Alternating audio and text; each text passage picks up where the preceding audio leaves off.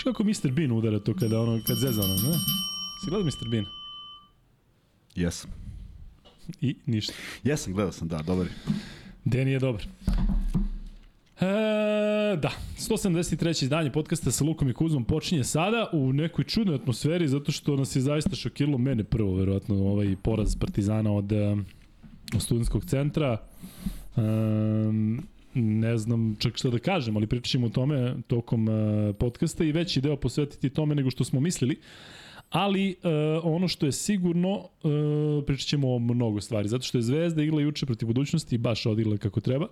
E, mnogo toga zanimljivog se dešava u NBA ligi, gde smo došli do finala jedne i druge konferencije. Ima još dosta tih dešavanja um, onako usput i e, naravno ove nedelje i Euroliga, polfinale, e, prvo pa drugo u ovom takmičenju imamo i naravno da pričamo o tome šta se dešavalo u Fibnu ligi šampiona.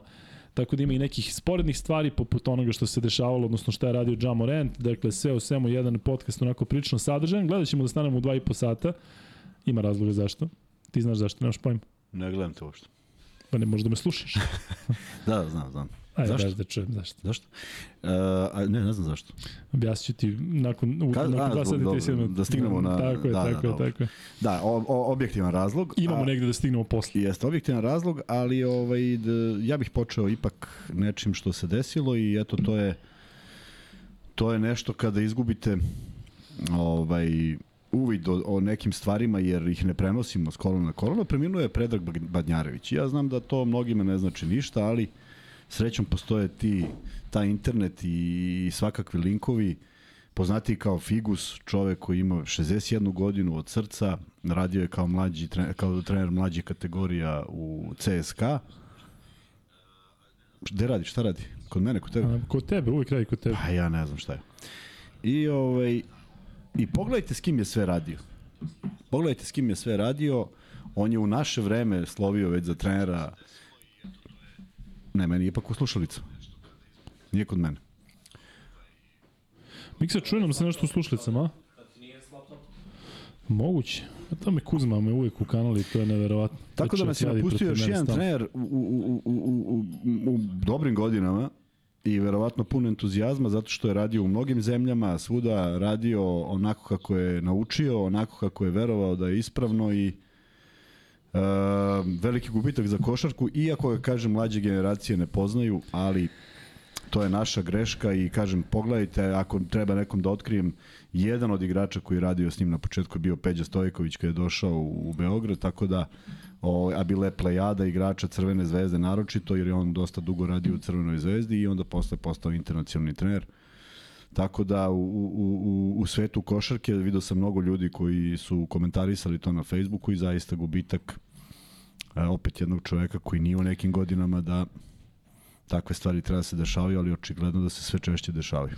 Znaš šta, volimo ovaj naš podcast zato što je potpuno drugačiji od svega drugoga, ali jedna jako bitna stvar koja nas razlikuje od svega, to je zato što zaista mogu da se čuje ovakve stvari to neće biti objavljeno verovatno da, da, na, na malo, na a malo mislim mesta, da jeste. sada i ljudi koji su ga možda poznavali, a nisu čuli, mogu da saznaju, a neki mogu da saznaju uopšte o kome reč. Tako da, nažalost, malo, malo pa počinjemo podcaste nekim tužnim vestima. Tako je, da, tako je, tako, u takvom vremenu živimo, nažalost. Jeste. I danas e, ste videli još jedan taj zaista um,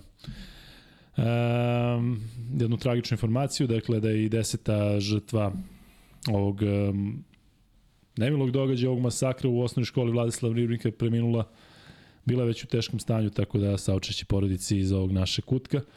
U svakom slučaju, um, ono što je bitno da vam kažemo to da ćemo i danas izlačiti uh, za Galens, odnosno izlačit ćemo za Zlatibor. Uh, male tehničke probleme imamo da stavimo novih pet parova, odnosno da se to već sada uh, aktivira što se tiče nagradne igre za, za ovu nedelju, ali to će jako, biti, bi, e, jako brzo biti rešeno i već ćemo najaviti koji su parovi, pa ćemo verovatno tokom podcasta imati i čistiju situaciju i moći da e, stavimo link, pa da možete i za sledeću nedelju da da neke neke su smetnje, da. neke su smetnje, ali ovde smo ovaj napravili sve da da funkcioniše što se izvlačenja tiče. I, ovaj, I evo, momci će popraviti to što pre, tako da čim budemo saznali dobit ćete i paroli i link će raditi. Miksa, poslao sam ti nešto, pa bih volao da krenemo s tim još kad smo već na ovim temama, zato što ovaj, sam zaboravio prošli ponedljak.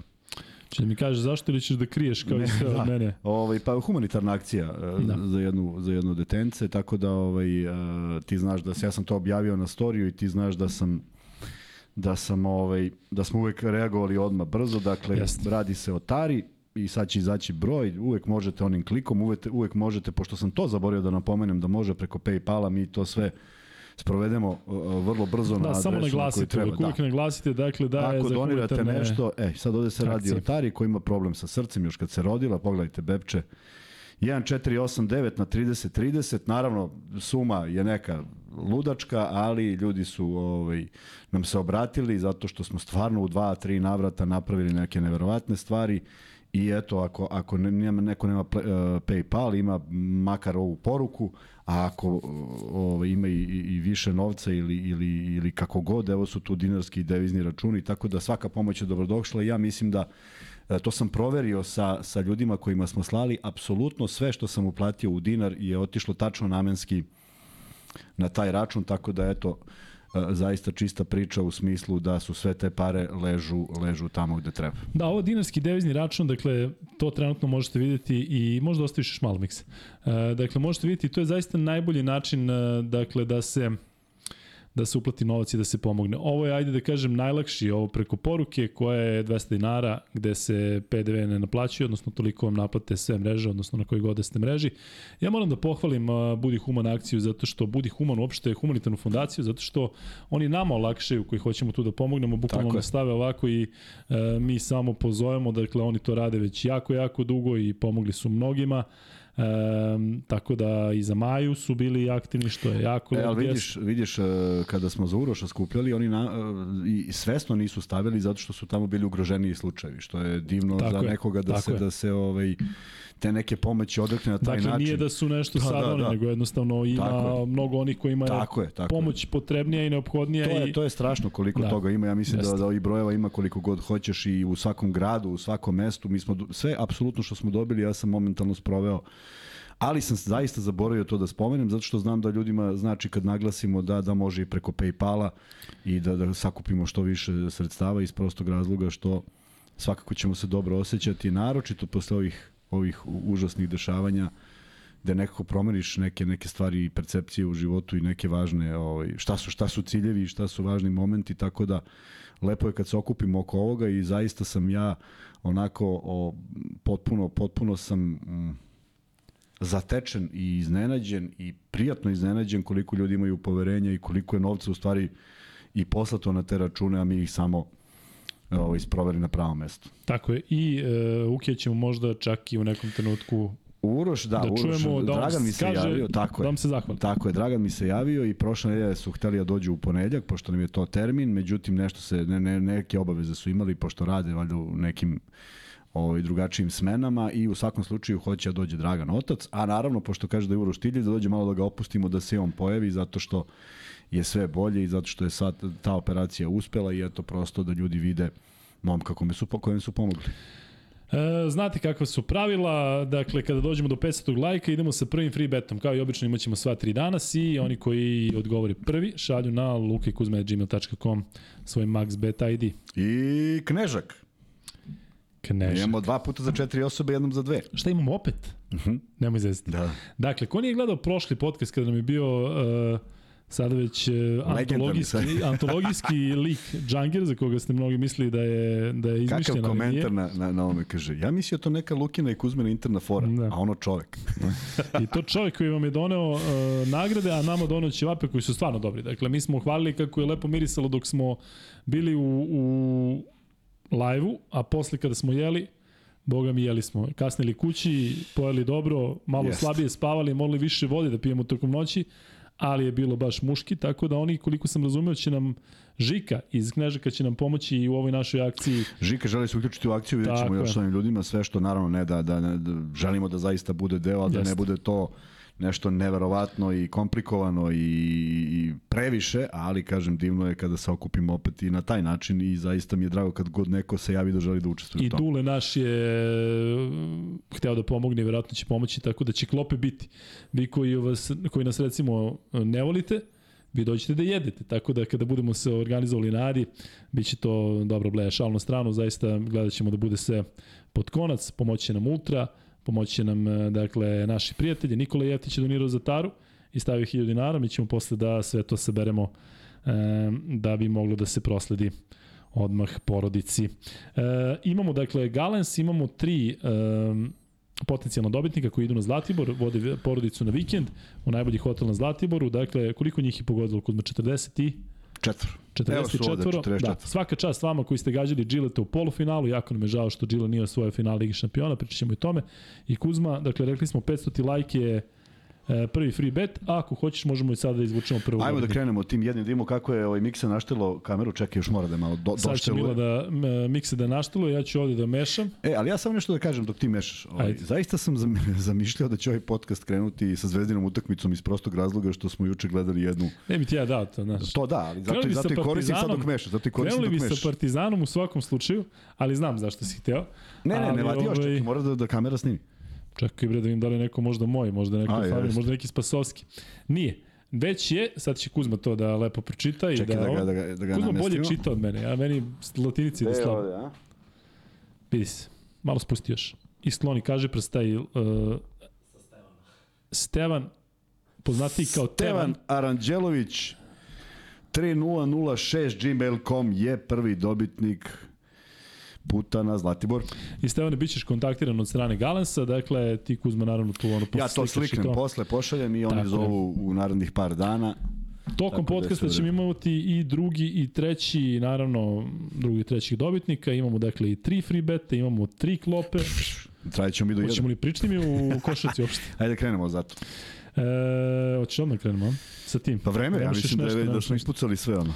Da, moramo da kažemo da su tu i naši drugari, ne samo da vam kažemo ko su, zato što su oni... E, Inkognito su ovde. Da, oni su George, ovde, da, Freddy Bill. ne zna da su ovde, porodice ne zna da su ovde, ali to su naši drugari koji su deo jednog tima, ali ne košarkaškog tima, nego jednog tima koji se tek stvara. Inače su naši drugari koje dobro poznajemo i oni su sada, možemo ih da se kaže da su na nekoj akademiji, tako? Nekoj, e, nekom kursu nemate vjerojatno pojma o čemu pričam, ali sve vreme će sve ovaj da otkrije.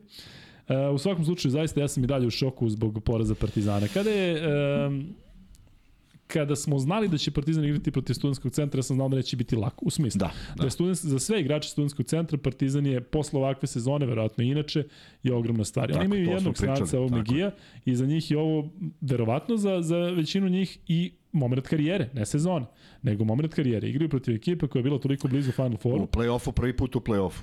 Da, Nije druga, druga play sezona, uh, zašto govori za? Pa sa play-off, ovo je prvi put play-off od osam ekipa. Tako je, ali studentski centri prošle godine u prvi praktično osnovan. Tako je. Tako da je, ušao u ABA ligu. Tako i u I sada ligu. imaju ovo. I ovo Partizanu sigurno otežava put. Ja sam znao da će biti teško i videlo se po ovim momcima iz jedne i iz druge ekipe da igraju potpuno drugačiji momentum. Partizan je naravno pao, psihofizički posle onoga sa Realom, što je potpuno normalno, ali moram priznati da nisam nikako očekivao da će ovako biti. Posebno zato što je tokom utakmice bilo dosta tih uspona i padova i Partizan se vraćao, vodio, pa je studentski centar opet ovaj, zadavao udarac.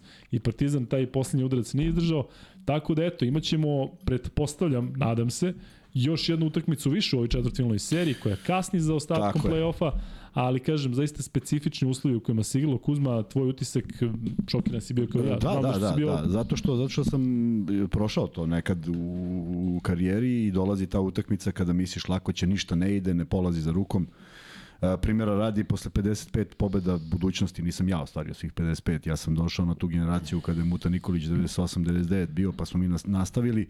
Prvi polaz je do, poraz došao od Radničkog, koji je te godine bio jedan od najloših ekipa sastavljen od fantastičnih klinaca, juniora i, i, i, i, ovaj, i kadeta ali prosto nije neko, neko merilo da možda izgubiš utakmicu. Jednostavno, otvore puni samopouzdanja, želje, volje i pobede utakmicu. Tako se i ovde desilo da je sve ovo što si rekao potpuno si u pravu, samo glava, samo pristup, samo, samo u stvari ne, ne čak ni pristup igri. Koliko imaš ono, čoveče, pre, pre tri dana smo bili na korak od putovanja u četvrtak, ili tako, ili u sredu smo trebali da putujemo na, na Final Four. Tako ne, da... bukvalno, oni, oni Partizan je u normalnim okolnostima, odnosno da je pobedio Real posle onih 2-0, pa da. trebalo, misliš u sredu ili možda čak i ranije? Pa možda, možda danas. Možda Sigurno sutra. ranije. Pa dakle, da, Partizan je verovatno ovaj ponedeljak negde bio u glavi. Da, mi tako, i sad ti igraš protiv Sudeckog centra kojeg sigurno nisu pocenili u smislu, ma znaš koji su to. To ne. Ali nikako nisu mogli da ga spremaju. Ne, ne, da ga spremaju nisu, da. naravno, ali nisu, nisu ušli u fazonu lako ćemo s ovima, zato što moraš da znaš naravno. koji je naboj i, i respektovati te igrače. U krajnjem slučaju, ako se sećaš i prošle sezonu smo ti ja dosta pričali o studentskom centru i nečemu kako ja, nam je prijalo, ih, da. kako, su, kako su izgledali. Ne, ne da li je, pazi, oni su imali neke utakmice koje su bile fenomenalne sa mnogo jačim timovima, a gubili su neke utakmice koje nisu smali, ali to govori o nekom neiskustvu uh, uh, tek formiranoj ekipi. Međutim, ovo što su uradili sada je zaista veliko iznenađenje i koliko god sada svi mi bili ubeđeni da Partizan naravno predstavlja bolju ekipu. To se produžava na tri utakmice. To, to, je, to je nervoza za svakog. Što tek kasnije može da košta Partizan. Tako je. Jer, Pritom, znaš, da jer onda više... će se skratiti još onu utakmicu, četvrtu. A da više i ne potcenjujemo studentski centar koji u smislu tako ako je dobio ovde, njihova ideja je da završite u dve tako utakmice. Je, tako je, da ne dođe da... do povratka u Beograd. Da. Apsolutno. Tako da, naravno, onda se desi da ta ekipa izgori u tom u toj želji, pošto uh, uđu preemotivno, pa Tako onda je. odigraju loše. Sve to ima svoje i sve to viđeno već milion puta, ali potpuno si u pravu i negde sam razmišljao o tome, naravno ne očekujući pobedu studentskog centra, ne da što mislim da je loša ekipa, nego da što Partizan ipak ima dovoljno, dovoljno igrača koji to moraju na neki način da iznesu. Očekivao sam tešku utakmicu, očekivao sam čak i kad se ovo lomilo da će to bude na kraju 2-3, pa ajde, ideš u slačionicu i kažeš dobro završili smo tu jednu, međutim, zaista iznenađujući taj taj taj poslednji napad. Panter uzima trojku posle u poslednjoj sekundi aj to to je već pitanje zašto su igrači studentskog centra izgubili loptu uopšte uh, koju su mogli da tapkaju do kraja ali izgubili su je opet trojka ništa. Mm, vrlo loš onako utisak vidim da je utihnuo pionir naravno da nikom nije prijatno. Jedino iznenađenje koje imam jer nisam mogao gledam celu utakmicu samo sam je sporadično gledao 44 28 u skokovima studentskog to centra. To treba uzeti sa rezervom, zato što velika kritika za ABA ligu što im ne radi sajt, nije radio ni tokom meča i e, prilično sam onako sličao da je... prema njihovoj statistici aha, zato što očigledno nešto ne funkcioniše. Dakle, nije moglo da se prati tokom meča na ABA ligi, e, kad govorim konkretno o statistici. Tako da, tako je tu, ajde da je uzmemo sa rezervom, ništa drugo ne govorim, dakle trenutno, ili možeš ti da otvoriš, dakle kada klikneš na 83-84 Partizan, meni ne izbacuje ništa. Uh, kad klikneš na to? Da. Dakle, evo, probaj ti sa telefona, ali kažem, čuo sam da je bilo i tokom meča, tako da ozbiljne kritike za A šta, šta, treba, šta mi, vidite 83, 84, šta treba da izađe? Ne, pa treba da izađe statistika, klikni, klikni na, na, na taj meč. Evo, klikćem. I? Pa imam ovaj telefon za dinar, moram malo da se zagreje dioda. Telefon za dinar koji vredi dinar. Umeđu vremenu je dostigao tu vrednost. Molim da se krajite mi da. telefon, vratit ćete ga. Da, telefon evo, evo, evo je statistika. Imaš statistiku? Aha. Eto ti. Pa ipak vredi ovaj Sad će ovaj Brahusov uh, laptop da frkne kroz prozor u Svetogorsku. Evo, kaže ovako, 31 defanzivni skok, što govori da je loš šut Partizana. 31 defanzivni skok. I to, to samo po sebi nije problem, zato što stvarno možeš da promašuješ više, ali 18 skokova defanzivnih Partizana, 11 ofanzivnih studentskog centra. Da, bilo je neki zakucavanje posle ovoga. I pet, i pet, samo pet partizana. 42-23. To zaista dugo nisam video. Ali potpuno nekarakteristično za ono što smo navikli na partizan u Euroligi. Dakle, šut za tri pojena ne valja, skok ne valja protiv studentskog centra. Kažem, koliko god da smo očekivali da partizan ipak i dalje mislima bude u onome što se dešavalo, ovo je zaista potpuno očekivano. Sada sam ja otvorio na telefonu, dakle ne može da se otvori samo na laptopu, šalim se naravno, Brahus ako gleda, verovatno gleda ona uvek tamo negde ovaj, reklamira, šalim se, hvala ti što koristimo tvoj laptop 173. put. Ali, e, Kuzma, um, ovde ljudi kažu, daj bre Luka, kakav studentski centar, nije, nije stvar za zezanje, je li tako? Govorimo ipak o košarkašima, dakle nije, nije, ne, oni su nemoguće Ljudi, stvari. Ljudi, to su da momci koji su Objasni, radili. molim te iz ugla koša, košarkaškog, ne? koliko god bila razlika u kvalitetu, razlika u dometu, razlika u sezoni. Pa ne bi se igralo, pa što bi onda pa, neko igrao? Samo iđemo na teren, po, rangiramo se i završimo sezonu. Ali ja ne pamtim veće iznenađenje ovo je, ovo je kada pratim Aba ligu. Pa vidi, znaš šta, ja sad ne mogu da ti kažem da je Cibona mnogo bolja ovaj, bila ove sezone od studentskog centra. Naprotiv, čak ne mislim da je bolja. Pa je pobedila Zvezdu. Ali u ligaškom delu, što je nebo i zemlje u odnosu na ovo. Slažem se, u ligaškom delu, ali ovde sad opet svi, sve ovo što se dešavalo. I kod kuće, u Zagrebu. Onda s druge strane Partizan igra opet u nekoj skraćenoj rotaciji. Drezgić Jeste, je bio da. u sastavu, Andjušić nije igrao, nije igrao uh, Smajlagić nije igrao. Da. I ne znam, Tristana i nema. Tristan nije bio 12, da, umesto ne. njega Drezgić bio Drezgić, u 12. Tako je. Znači, uh, Drezgić, Smajlegić i Andjušić, opet je to dovoljan fond igrača, ali, kažem, oni imaju u glavi neke stvari koje im sigurno smetaju i može da im se desi da smetaju. Panter 2 od 7 za 3, Leda i 3 od 10. Ajde, hoćeš da prolazimo igrače pojedinačno, da možda pa, ovaj, malo šta, onako... nisam, nisam gledao, ne mogu sada da, znaš, ne mogu sada da se hvatam za statistiku, samo zato. Možemo da kažemo šta je bilo, ali kako bih ti rekao, nemam, nemam taj utisak utakmice. Jer zaista sam mislio da će biti utakmica Tako Slažem se, da, da, da, da nismo, Malo ja sad, sam naš... gledao, gledao sam ovaj, ali, ali da, da ipak statistika Mora sam dođem do ovde, radili bitna. smo neke druge stvari i samo smo se uključili ovde kad je već bilo gotovo ovaj, i pratio sam sve vreme na netu i video sam da je to klaj klaj, međutim završnica utakmice kažem, ovaj, Želeo je Panter da, da sad vrati možda sve ono što je što je propušteno u onoj drugoj utakmici, jer to ono što sam ti rekao, on to negde osjeća, on to negde, on želi sada da bude neko ko je, ko je heroj, ne više sada šta je, šta se desilo i da se to, ne zaboravlja se to tako lako. Jer a, igrač bilo ko kalibra, kada igra Euroligu i kada dođe na sledeću utakmicu, to može bude i, ako nije ono večiti rival, ako je neko, samo za, e sad ovo, sad ovo moram da igram, jer, jer ti si bio planirao si, spakovao si kofere maltene da putuješ u Kaunas. Uh, uh, uzima mnogo ovaj, ova borba za, za top 4. I uzelo je mnogo partizana. Evo sad ta nervoza koja mora da postoji, znači niko sad ne može da uđe i kaže, e, ok, idemo mi sad dole i to će sve bude u redu. Uđeš u nervozu, kreneš utakmicu bez veze i svašta se nešto desi. Prema tome, nadam se samo da uh, da će biti kompletan sastav, ne znam zašto nema Smajlegića. Ne, traži, vjerojatno će se pojaviti neka informacija. Ako da. neko ima informaciju, nek javi. I, pa mislim iz kluba. Ne, I vidi, da ti kažem jednu stvar, ovo je, ovo je u nekim normalnim uslovima jedno fantastično iznenađenje koje košarka generalno treba da slavi, je tako? U smislu, tako. kad se tako nešto desi, milion puta smo pristupili tako nečemu, pa ti onda drago što je neko se umešao. I ovo je jedna velika pobeda. Ne možemo minimalizujemo i sad objašnjavamo Partizan igrao loše.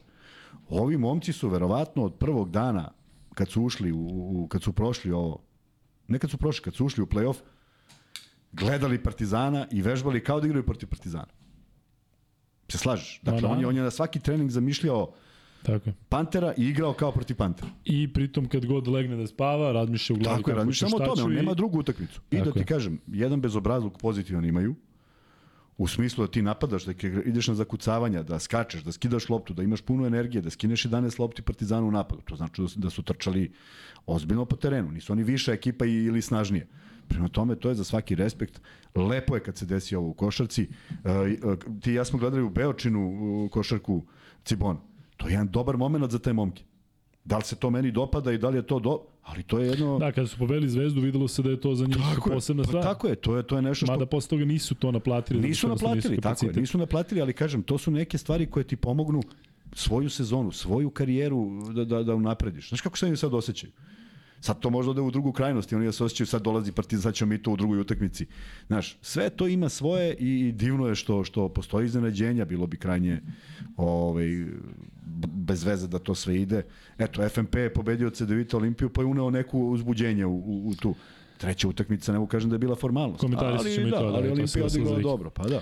E, Kuzma, ovde je neko zanimljivo rekao kao Luka traži stradalno opravdanja, ali mi ne tražimo opravdanja, tražimo objašnjenja, valjda je poenta podcasta i to, ne da kažemo Partizan je sad odilo loše i ovo, dakle mi ovde i jesmo tu da bismo sada pokušali iz našeg ugla da objasnimo šta se tu desilo. Da.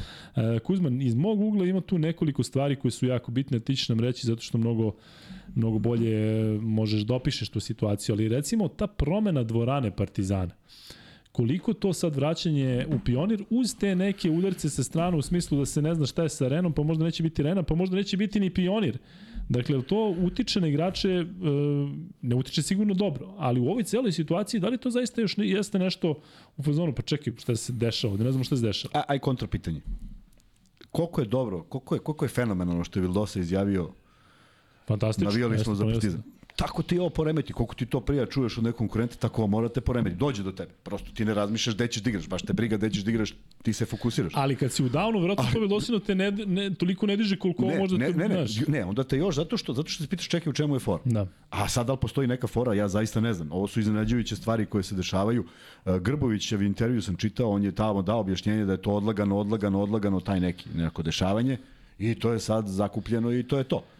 Ali kako bih ti rekao, to je, to je, to je zaista loš moment. Da.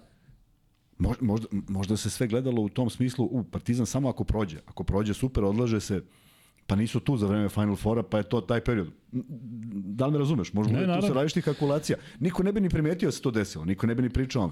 A ovako, stvarno, jedna druga informacija i sad dobijam, naš drug nam, e, kolega nam šalje da je ovaj, uh, da je povredio kolen. Ko? Smajlagić. Dobro, pa i logično, mi očekali smo da, da, da vidimo, odnosno da čujemo šta se desilo. Ne veram da je skrajnuti iz nekog razloga drugog. E, ali ovo sa Tristanom jeste možda zabrinjavajuće. A ne, Tristan je u Americi uz dozvolu kluba. Tako isto saopšteno. Da, ali opet ima i nekih informacija da baš nisu, da ne znaju šta se dešava u smislu da... Pa šta je, ne sunce. E, to već ne pitate, znam. Pitate me ovde na Lesorovo guranje igrača derbija posle završetka utakmice, ja stvarno nisam video to. Dakle, mislim, ja sam gledao dve i po četvrtine, došli smo ovde, videli samo završnicu, ali taj deo nismo videli, ali tako Kuzma, evo, pitaju mene, potvrdi da ne bude da nešto ovaj, e, izbega nismo videli to guranje Lesora o kojem se, o kojem se priča. Ja sam govorio ranije da dečko mora da se kontroliše ne zbog sebe, nego zbog kluba. Očigledno da, da, da su emocije takve da, da ne može da se kontroliše. Evo ti ako ćeš da dobili smo. E, dobili smo guranje Lesora, šta? Da. Ne vidim, ovo slikao. Pa slikao pritisni, bit će sad će krene video. Aha. potpuno bespotrebno. Ma dobro, nije strašno. Evo sad, sad pa ne, nije strašno. ne, ali skaču ljudi, besno, skaču i ne. Skaču ljudi pa, i čovjek ga gurne. Pa nije strašno. Evo, ja, ja stavim u odbranu Lesoru Maksim.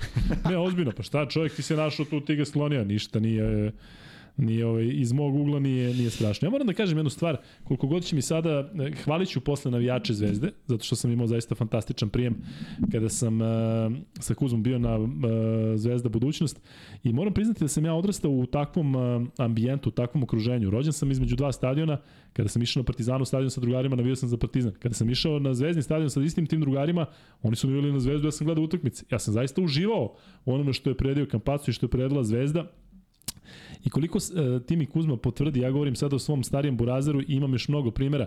Ranije se dešavalo da dva kuma, dva brata, dva drugara, jedan navija za Partizan, jedan, jedan navija za Zvezdu, ali toliko je bilo ranije, realno to, odete zajedno na sever, pa odete zajedno da, na jug. Da, tako a ne samo da, da neko ko je poznato je da navija za jedan ili drugi klub, da je uh, iz nekog razloga e, neprihvatljiv da dođe na utakmicu. Ja sam zaista fenomenalno prihvaćen. Neke stvari su me zabrinule sa druge strane, ali zaista momci su bili fantastični.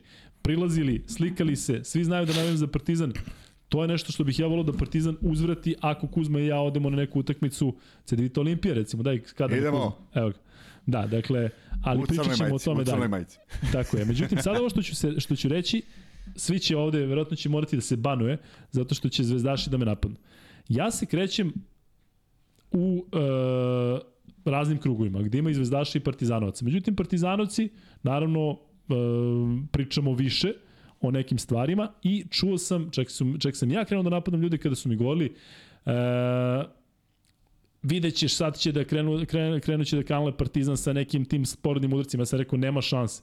Ali ovo sa halom, da Partizan mora, mora možda da se seli u Ljubljanu, da igra ABA ligu, sa ovim što se desilo u areni, zaista nema objašnjenja. Mora da postoji neki respekt prema ekipi koja koja je došla toliko blizu Final Fora, predstavila Srbiju top 8 i pritom šta je sa ljudima koji su platili karte? Imaš 10-11 hiljada ljudi koji su imali pretplatne karte, jel to znači da će, kako će da uđe u pionir ako ima 7 ili 8 hiljada mesta? Kako će da uđe negde drugde?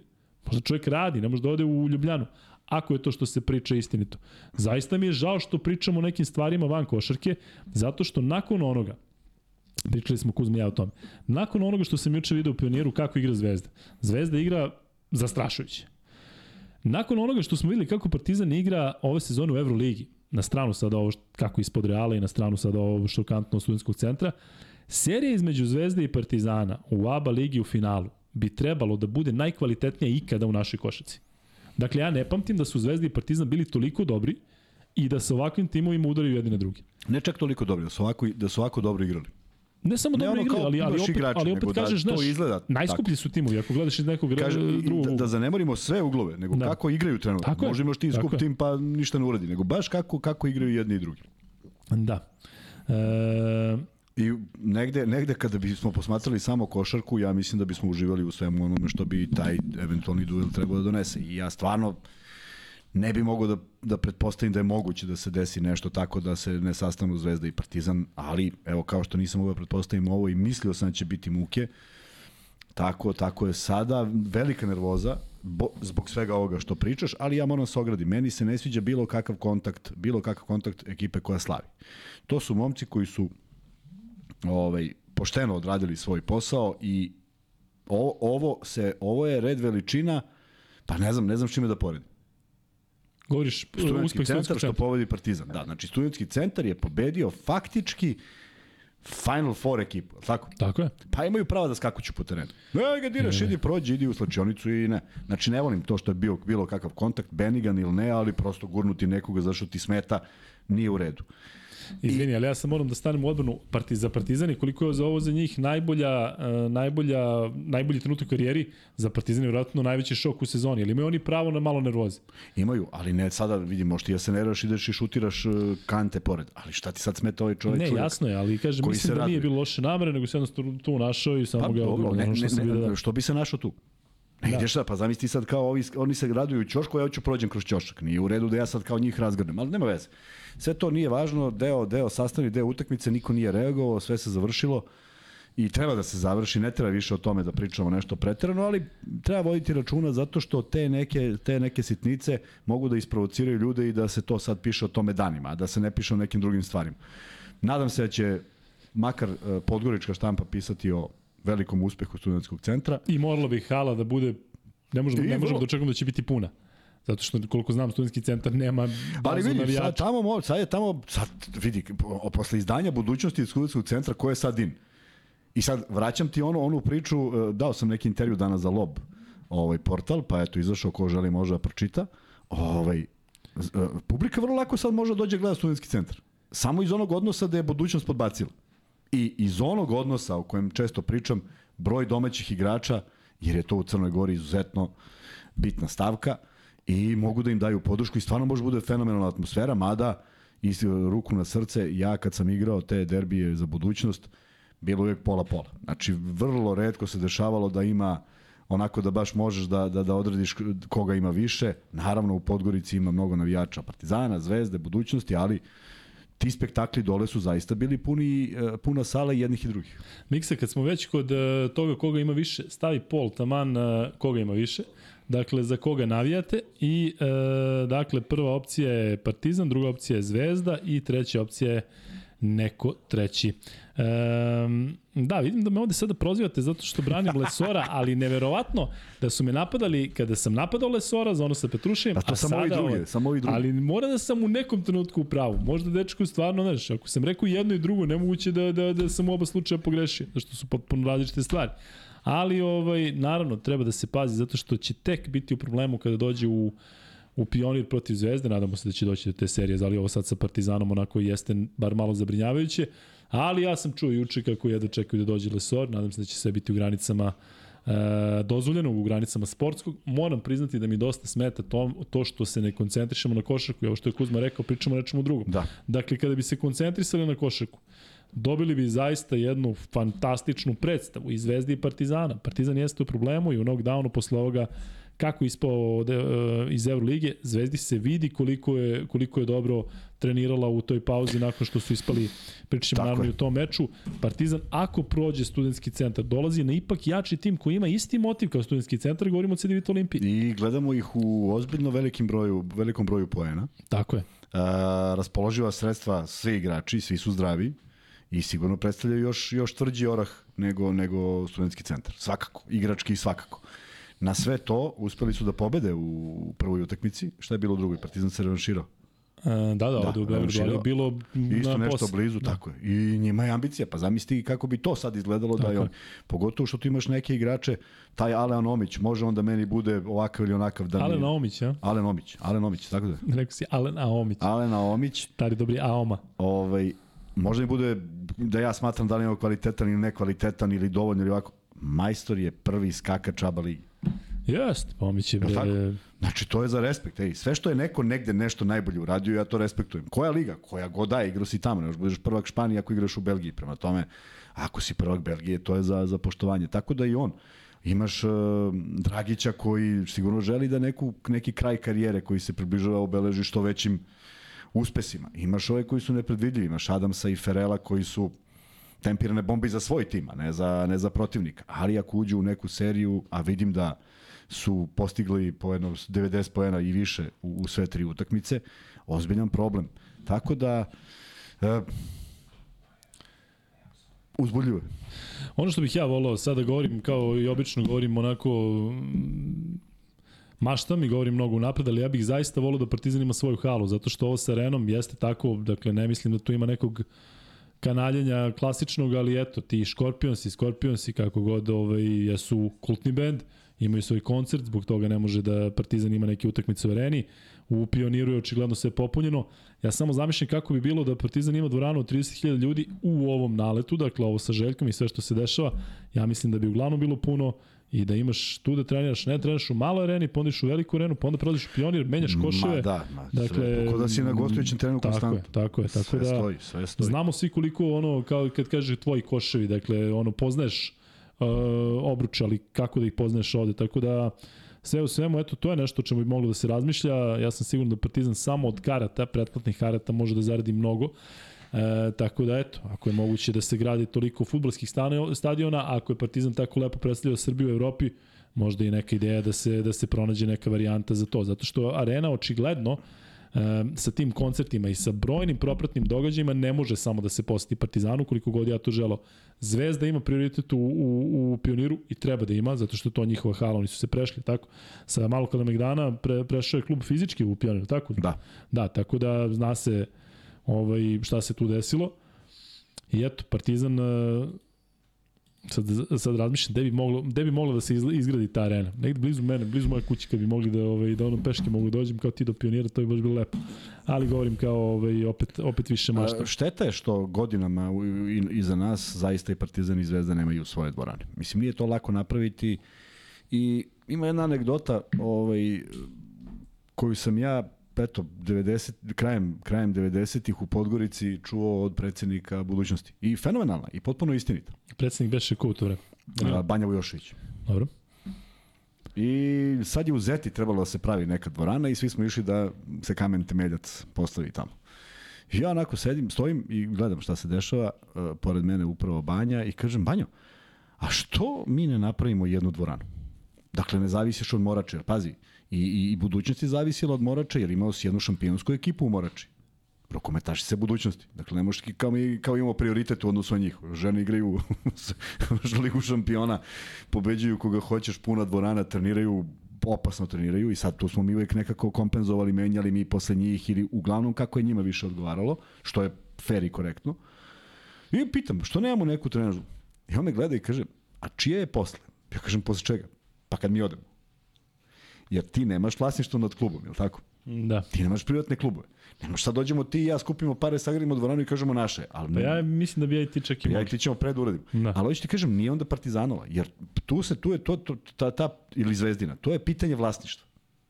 I zato se, zato se ništa, ja mislim da se zato ništa nije napravilo. Sta, 100 godina se priča o onome pored pionira. Yes. O onom prostoru ništa se nije desilo. Ali vidi, toliko je nekih misterija zašto nešto nije, nemamo da, da, odgovore. Da. Ja ću ti reći jednu naj, možda ne znam koliko su ljudi razmišljali, ovaj, a to je opet pokazatelj negde kako, kako nekako ne razmišljamo kako treba. Kako se zove hala sportova? Ranko Žarovica. Kako se zove hala da, Aleksandar Nikolić. Gde je radio Ranka Žarovica većinu svog da, života? Da, pričali smo o tome da je drugačije. Gde je da. radio profesor Nikolić Ali se išlo tom linijom koliko je ko bio. A nije se išlo linijom nego su išli na varijantu aj nazovemo, aj nazovemo. Čekaj, vidi što ne nazovemo znaš, bar da su, bar da su u istom trenutku da je neko razmišljao, ajmo, ajmo u istom trenutku, ajmo dva dana kasnije, ajmo da ima smisla. Jeste, ali znaš kako mislim da taj koji je razmišljao Verovatno ima neke veze s koškom. Da neko razmišlja. Da je, pa verovatno. Ali Aca Nikolić i Ranko Žerovica su dva najbitnije pa jesu, ali, ali zaista je logičnije ali da bude Aca ovako. Nikolić ipak malo, malo možda priznati. I u košarčnim ne, ne, ne, ne, I onda su verovatno išli, ajde pioni damo njemu, a ova hala ma, neki ide za Pa ne, prvo je, prvo je imenovana hala sportova. Kad je preminuo Ranko Žerović. Da. A on je umro kasnije. Jeste. To ti kažem, nema logike.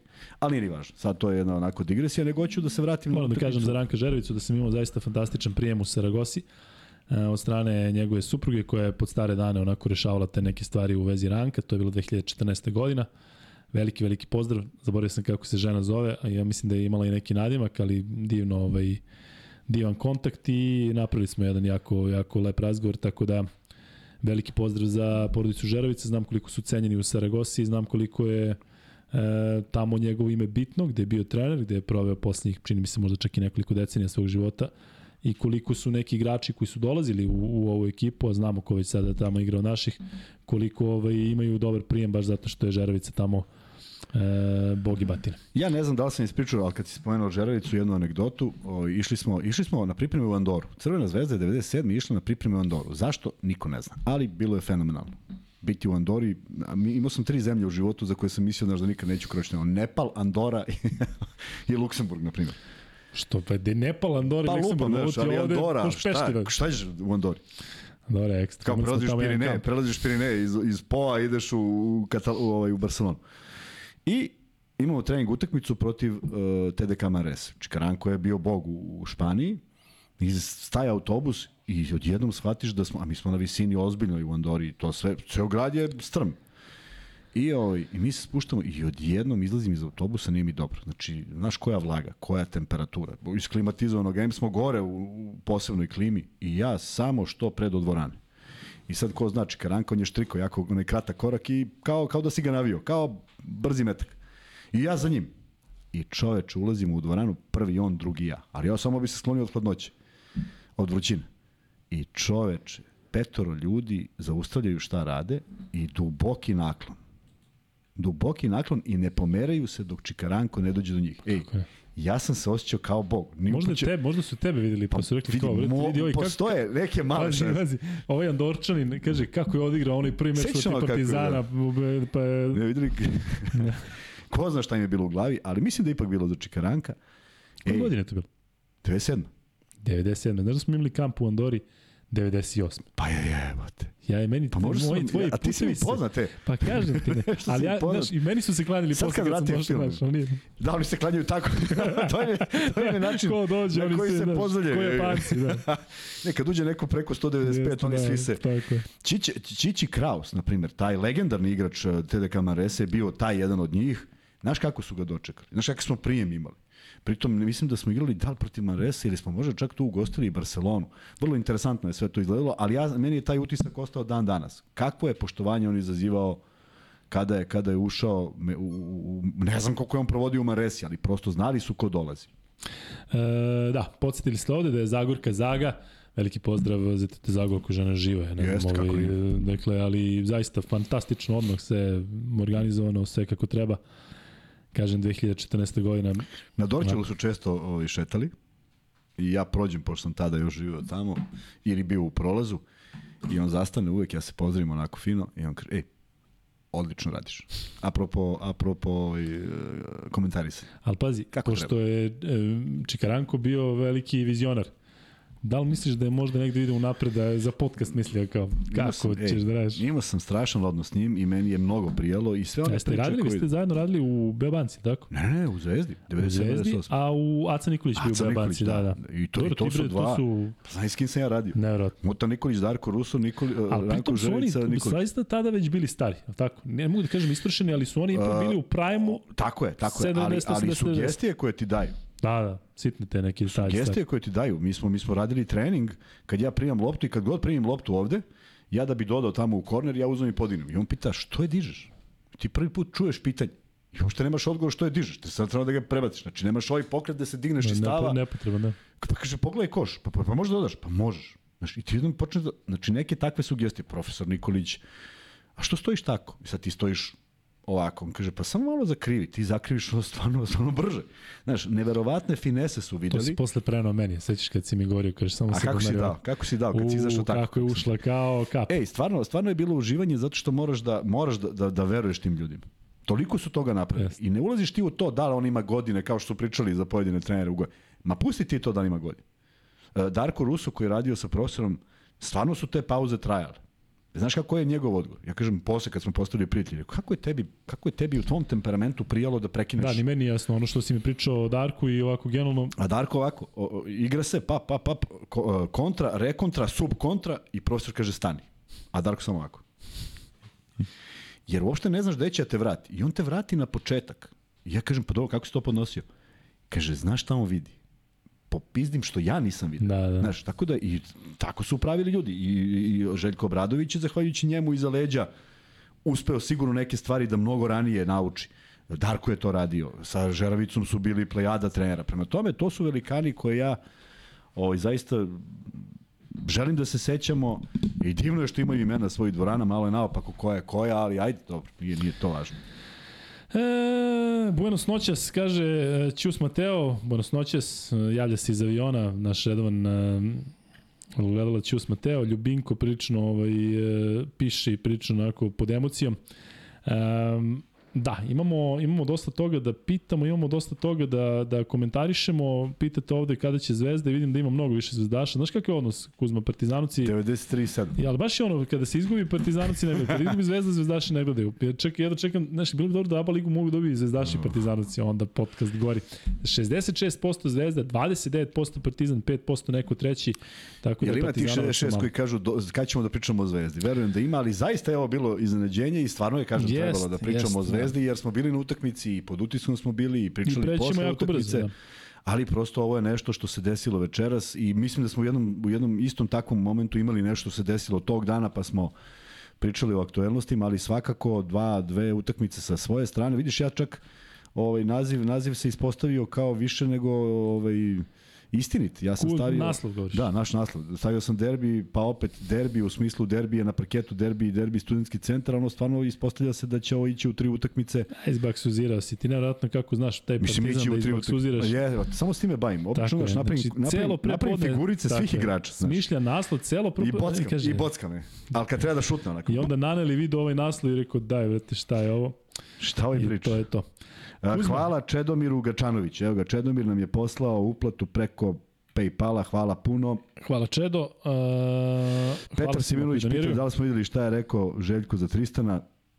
Pa ovde da. Dešava nešto... se nešto, da. Dešava se nešto, ne znam gde je. znam da je u Americi. Ne znam Kuzma, tačno Kuzma gde. zna gde je, da, Kuzma kada je. Ovaj tako da ružno ako se tako nešto desilo jer jer to su to su neki momenti koji su za mene neoprostivi, govori mnogo o karakteru Ako je to tako. A ja sad, e, valjda su ljudi shvatili da ja mnogo toga slušam šta priča Željko Obradović i Ovih 66% je shvatilo. Ja, ja verujem šta priča Željko Obradović i meni je žao što mi nikad nije bio trener. Možda postoji negde onako Znam da ima jedan trener koji je želao da me trenira, pa nije. Ne znam da li je Željko bio u toj kombinaciji. Znam da sam imao eto prilike da igram makar, makar te tri utakmice, a, dve, tri, četiri utakmice, tri u desu budućnosti. Jednu smo pobedili i jednu smo pobedili u kupu za Patru.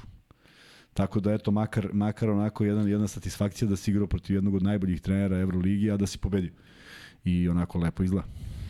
E, da. E, Ćao O, koji uvijek uglavnom, uglavnom lepo komentariše, e, nešto si malo pre e, poslao, pa mi nije bilo jasno na što si mislio, pošalji ponovo. E, cenim tvoje komentare, tu si jedan od onih koji, koji znaju ovaj, da pišu kako treba. Tu je Marija Janković, koja naravno ovaj, hvali Kuzmu, voli da onako udari po meni. Slušaj, kaže, navikli smo kad Partizan izgubi Luka koja je RTS. Vremenska prognoza u Australiji, pozdrav za Kuzmu. Marija, nije ti bilo neko vreme, ne znam da smo te banovali, e, verovatno jesmo, zašto si malo ovaj, bila pretrala, ali znam da ti meni gotiš više nego Kuzmu. Samo molim te potvrdi u narodnom komentaru. ovaj, ali da, nedostala si nam, nije te bilo nekoliko meseci, mm, tu je Vuk Grbić, sad mi lakše. E, Luka, mislim da je Tristan otišao na pripreme za draft kombajn, jeste. To je ono što ja znam, ali da li je otišao, kako je otišao, očigledno da tu nije baš sve najčistije ako uzmemo u obzir ovu izjavu uh, koju smo videli Željka Obradovića. Što se tiče studentskog centra i Partizana, dakle u četvrtak je meč u 19 časova, uh, to je prilika da ja navim kako ćemo raditi ove nedelje, mada još nismo sigurni 100%. Dakle, sigurno ćemo imati termin u četvrtak u 21. To je naš redovan termin, gledat ćemo Partizan drugu utakmicu, uh, najaviti, nadam se, treću. Uh, I posle toga imamo podcast. Imaćemo podcast u petak nakon polufinala, drugog polufinala Evrolige. Naravno, naši drugari iz 99 Yardi rade svoj podcast, tako da ćemo imati jedan od onih noćnih termina, negde oko ponoći, malo gore dole, ali ćemo pričati o Evroligi i najavit ćemo naravno finale, tada ćemo znati ko igra. Međutim, nećemo raditi sutra, možda radimo u sredu. Otvorio se termin zato što se otvorio, tako da u sredu bi mogli da imamo termin od 9 i gledat ćemo da imamo u tom trenutku i gosta. Dakle, ako budemo imali jedan ležerniji, ležerniji e, podcast sa Javljam, gostom, to će biti dobro. Radimo na tome da imamo gosta. Nažalost, neće biti niko iz Partizana od igrača, pričamo o tome da Aleksa dođe, Aleksa je sad poređen, ali naravno biće sa ekipom ko će već sigurno u sredu uveče biti dole, niti je moment sada u svemu ovome da dolazi neko iz Partizana. A kad cigra taj meč? ljudima u četvrtak u 19. Sad u četvrtak? Da, da. U... Pa mora da se ubrza. Da, da, da. da, da, pravi pauza da, da, 9 dana ko... Da, da, da. da. Ovo, tako da... Da, to u stvari jeste elitan playoff. Jeste. Da. E, sad naši drugari koji ovde uče, e, pa je se dobro. Stefe, možeš da ugasiš ovaj pol? Znaš da ugasiš pol? Ugasi ovaj pol. Kad pritisam. Zatvori ga. Evo ga Miksa. Miksa dolazi u pomoć. I da stavimo novi pol. Dakle, ugaši novi pol i sad imamo dakle, 66%, 28%, 5% je konačno. Imali smo preko 1000 glasova. Nismo još blizu 500-tog... Uh, Gde su lajkaši? Pribeta. Ne znam, lajkaši su... Pa to, je ovaj zvezdaši, neće da lajkuje. Ajmo, e, ajde, da pokažemo ne, Luki. Ajde, pokažite Luki. e, ali uh, možemo da stavimo novi pol. Stavi pitanje da li hoćete da radimo u sredu i samo stavi odgovore da i ne. Da vidimo šta ljudi kažu, pa vas onda držimo za reč, vi koji kažete da, da ćete biti sa nama. Ali zaista... Ali da se popišete svi sada. Tako je, i šaljite... I ovaj, ako niste tu u sredu... E, da. Imamo mnogo nagrada. Kuzma, šta kažeš da izvučemo drugu nagradu, odnosno da, da prvu nagradu što se tiče ovog Ćevapa. Knežak, ajmo. Knežak. Knežak za četiri osobe. Nećemo, nećemo sad da izlučimo iz boula, nego ćemo da, da damo neki... Uh, Knežak za četiri osobe. Knežak za četiri osobe je ćevabđenica koja se nalazi u Mite Ružića. Mnogo dobri ćevapi. Mnogo dobra usluga. Čika Žika je posle ovde ćevape, mi garantujemo da je dobro. Pa šta je kajem čovjek, verovatno ima, je stari od mene. Kako stari Džangirov drug? Pa stari od mene sigurno. A, od tebe jeste. Pa tako. Tako da je Čika Žika. Pa znači ja sam pa da, da, da, da Ali zašto sad ovo govorim? Radi se o tome da a, je to ipak za ljude koji mogu da dođu u Beograd. Nažalost, ne može Sale Ristić da dođe iz Čikaga na Tećevapa. Može da on uzme voucher i da se najavi. Dobro. Ali da znate da dolazite u Beograd. Neko ko nikada nije bio u Beogradu i zna da neće doći, možda ne učestvuje. Dakle, prva nagrada danas što se tiče Ćevapa za četiri osobe, je li ograničen broj Ćevapa, a? ono, all, all you can eat. Buffet. Da, da, hiljadu ćevapa. Ima, čeka, Žiku gunem u stečaj, pre nego, što, pre nego što je otvori ima da zatvori. Ali, pitanje će biti kako se zove Džanger? Dakle, ime i prezime Džangira. Pošto ga svi znamo kao Džangir, sad ga svi znamo kao Džangir. ne, sad znamo da je čovjek. Da, da. Prvo smo saznali da, da je čovjek. E... Može, odlično pitanje, da imamo da li znaju, da li prate. To samo dobri poznavaci naših podcasta mogu da znaju. Old school radimo na tome, verovo ili ne. Tako da samo zazite, evo i, i Mite radi, radimo na tome, obećao da će doći kad je tu, sad je tu, nećemo ništa da ovaj, obećavamo, zavisi od njega, ali bilo bi zaista fantastično. E, Miluti Nikolić. Šta s njim? Jel se zove Džangir Milutin Nikolić? Milutin Nikolić, Milan Ivanović je dobio. Milane, dakle... Petar e, Nikolić šalje, mlađi burat. Da. Milane, šalješ na lukikuzme.gmail.com, možeš da pošleš ime i prezime da bi mi mogli da javimo, dakle, isto kao za free bet. Max Beta, šaljete na naš... To naš Milan Ivanović? Naš Milan Ivanović, pa, baš mi je drago. Da. Možda povedi i nas. Mislim, naš, momka kojeg znamo, nije naš. Iz Novog Sada. E, mogli bi mi da koristimo beneficije koje imamo? Pa mi se nađemo tamo, znaš, kad dolaze. Kako se zove e, bađa? E, da će nas iskulira neko. To, to, to. Kao, ne, pa, niste dobili. sam mamu, kao, ali mama, idi ti sada. ali pazimo, Girus imamo... Girus Lunac. Zove nas Lunac, Girus. Imamo ćevape u Miteružić. Mi ne moramo jedemo. Imamo Zlatibor e, kad hoćemo. Samo cepamo. Imamo Max B da se kladimo kada hoćemo. A ništa ne radimo. Sve ostane. E, sve da. ništa ne potroši. Večeras se kladimo u Max Bet. Niko ne zna znaš šta je šta. Um, evo, kaže Jovica Bjelić, izvini Luka, nemam običaj da lajkujem, podsjeti da lajkujemo. Lajkujte, pozvao se Kuzma, sad vas pozivam i ja, I kada stignemo do 500. Pozvao je Džangir. Tako je. E, A ko je Džangir? Ne, ko je pozvao? E, ko je pozvao? Pa kako si rekao se zove čovjek? Evo sad sam rekao. Pa taj. Pa prošlo. I on je pozvao. Svi smo pozvali. Da. E, da. Kaže šaljući vape mailom. E, pričao sam mnogo o Philips Grillu u Stokholmu, kada sam I jeo... tamo imate besplatno. da, da. Ne, čovjek, čovjek pokoj ne, ne radi više. Znaš da mi je poslao... poslao dođe, druga. dan. Ali on je slao svoje hamburgere za Monako avionom. Čovjek je slao privatan avion i on napravi četiri hamburgere. Ja ne znam kako se to održi, vjerojatno negde da bude vrući ili šta, ali najbolja pljeskavica koja je ikada postojala, tvrdim, iako nisam probao sve pljeskavice na svetu, ali ljudi vi ne znate šta je. Dakle, ja imam trening i ne razmišljam ni o čemu drugom, nego samo da odem kod, kod Filipa. E, da li je bio Salčo Duvans, Duvnas, Salčo Baden, Salčo Baden je vjerojatno bio. Da će e, se javi. Da, javit će se momci iz Švedske.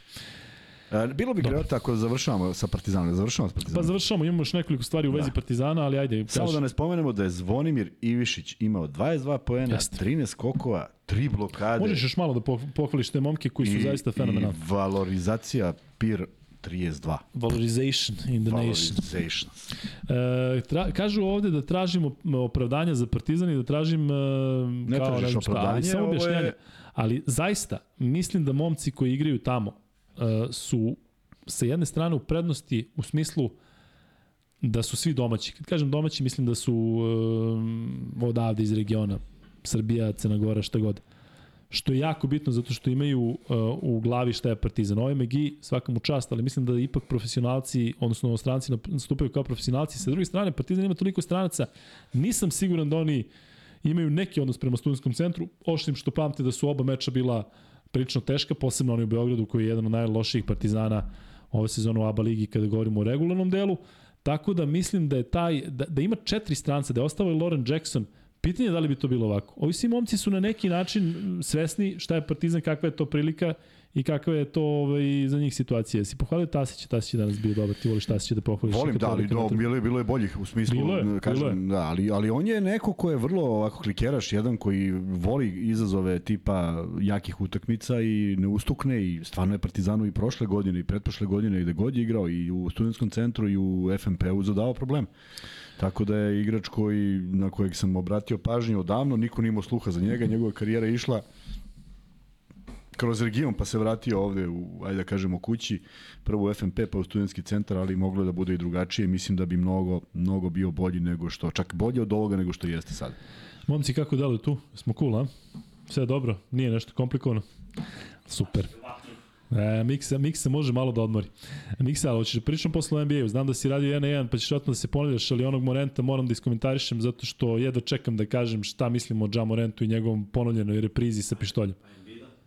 Ma Embiid je košarka, on je isto retardiran dečko očigledno, ali ovaj, Ovaj, ovaj, njemu treba da se zabrani da igra košarku. Mrtav sam ozbiljen. I to u kombinaciji Memphisa, e, znaš šta je radio? Ne. Si da opet mla, mla, mla, kao A, ja sam mislio neko pustio stari onaj... Ne, ne, ne, ovo je bilo, bilo u klubu, o, ovo je da bilo da eliminisati, kažeš ćao. Ali za, za uvek. U zatvor. Ne, znaš da je gledao meče borca iz Čačka? I da ide u Čačak. Tamo, pa nek ide da dođe u Čačak, tamo će biti interesantno. Kad smo kod Čačka.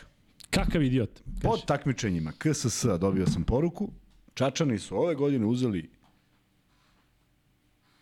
srebrnu, bronzanu ili i zlatnu medalju u tri uzrasta. Ej, Sjajno. da nađem. Da. Sjajno. Zaista čovjek mi je poslao, ja, ja znam da je ovaj moj drug Miloš Bojović ovaj, bio, Željko Miloš Bojović, Željko Bojović, čitam ovde, Željko Bojović bio pre neki dan zašto mu sin igra za mladost iz Čačka i pobedili su. Osvojili su u pionirskoj konkurenciji zlatnu medalju. E, bilo bi lepo zaista da ugustimo neko dan. A to vodi Mihajlo Šušić. Sećaš kad sam ti pričao o Šušiću? A ne, Šuletu. milion.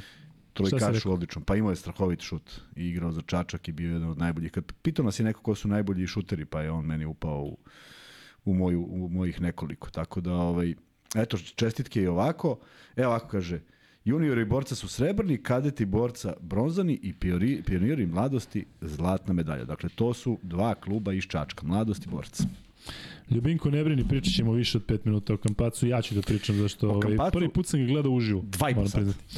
E, ali bez zezanja da završimo sa Partizanom, da kažemo da je Džile bio u dvorani, da je stavio šal na mesto gde je njegova pokojna maj, majka Milka sedela i onako prilično vatrano navijala za Partizan.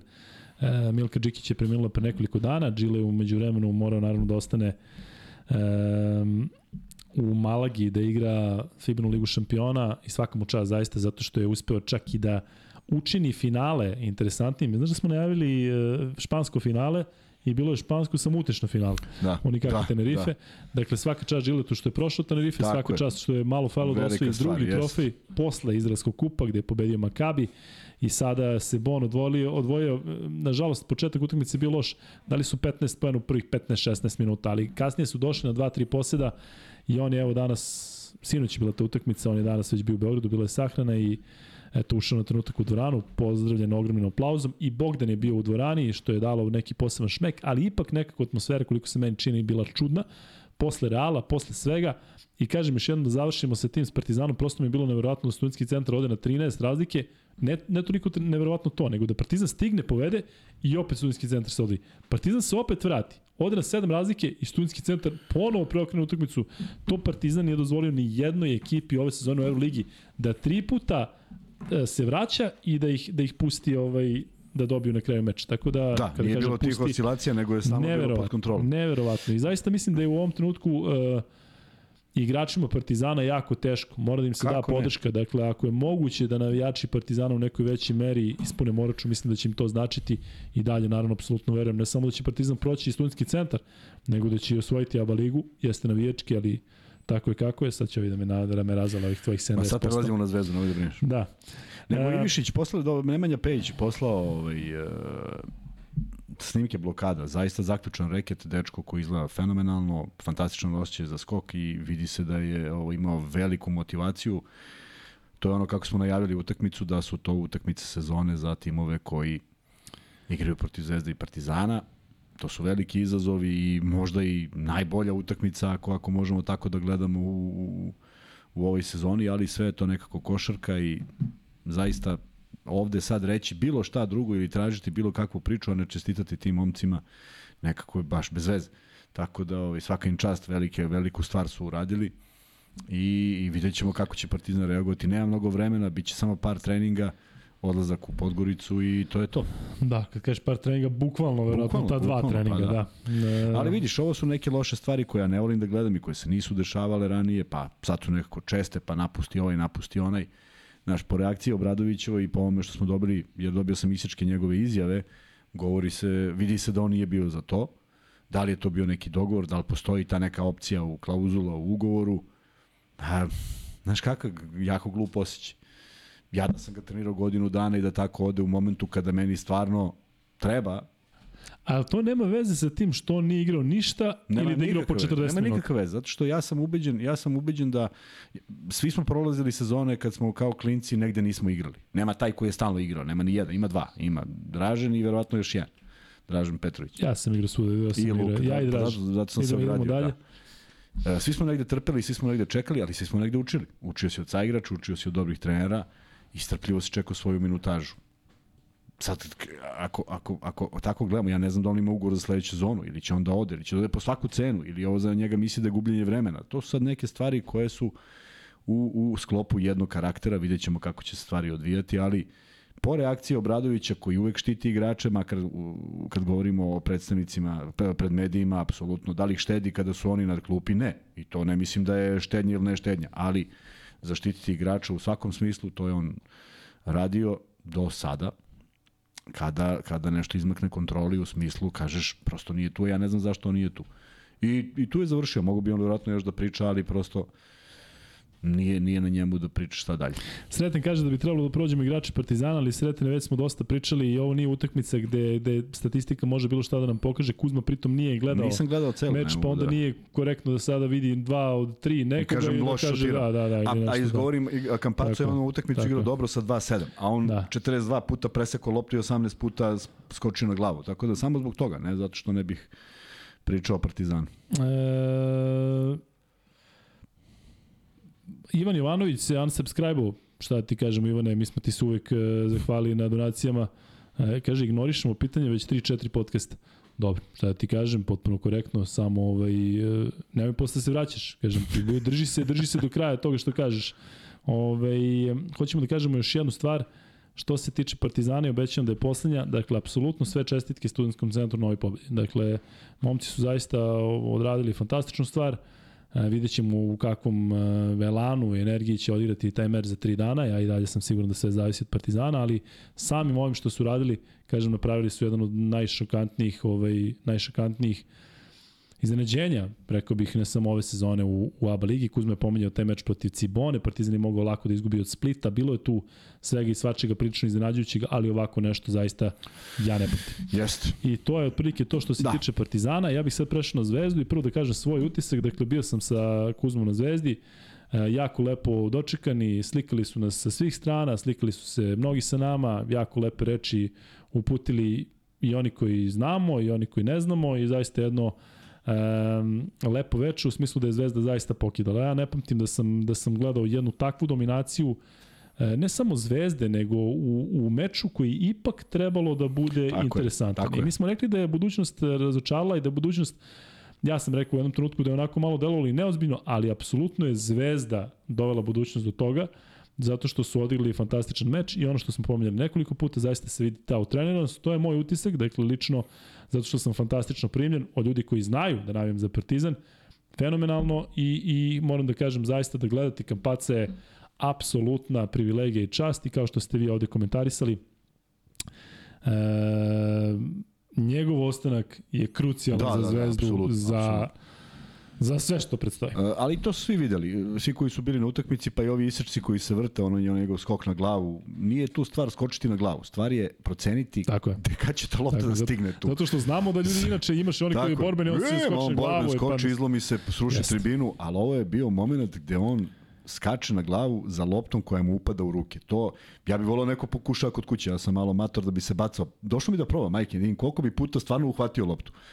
Tako da sve čestike na borbenosti, ali uh, Uh, ako neko želi da pogleda utakmicu u, u povratnom ovaj, snimku, može da to sada, zahvaljujući jednom velikom rezultatu, gleda tako što gleda Lazića.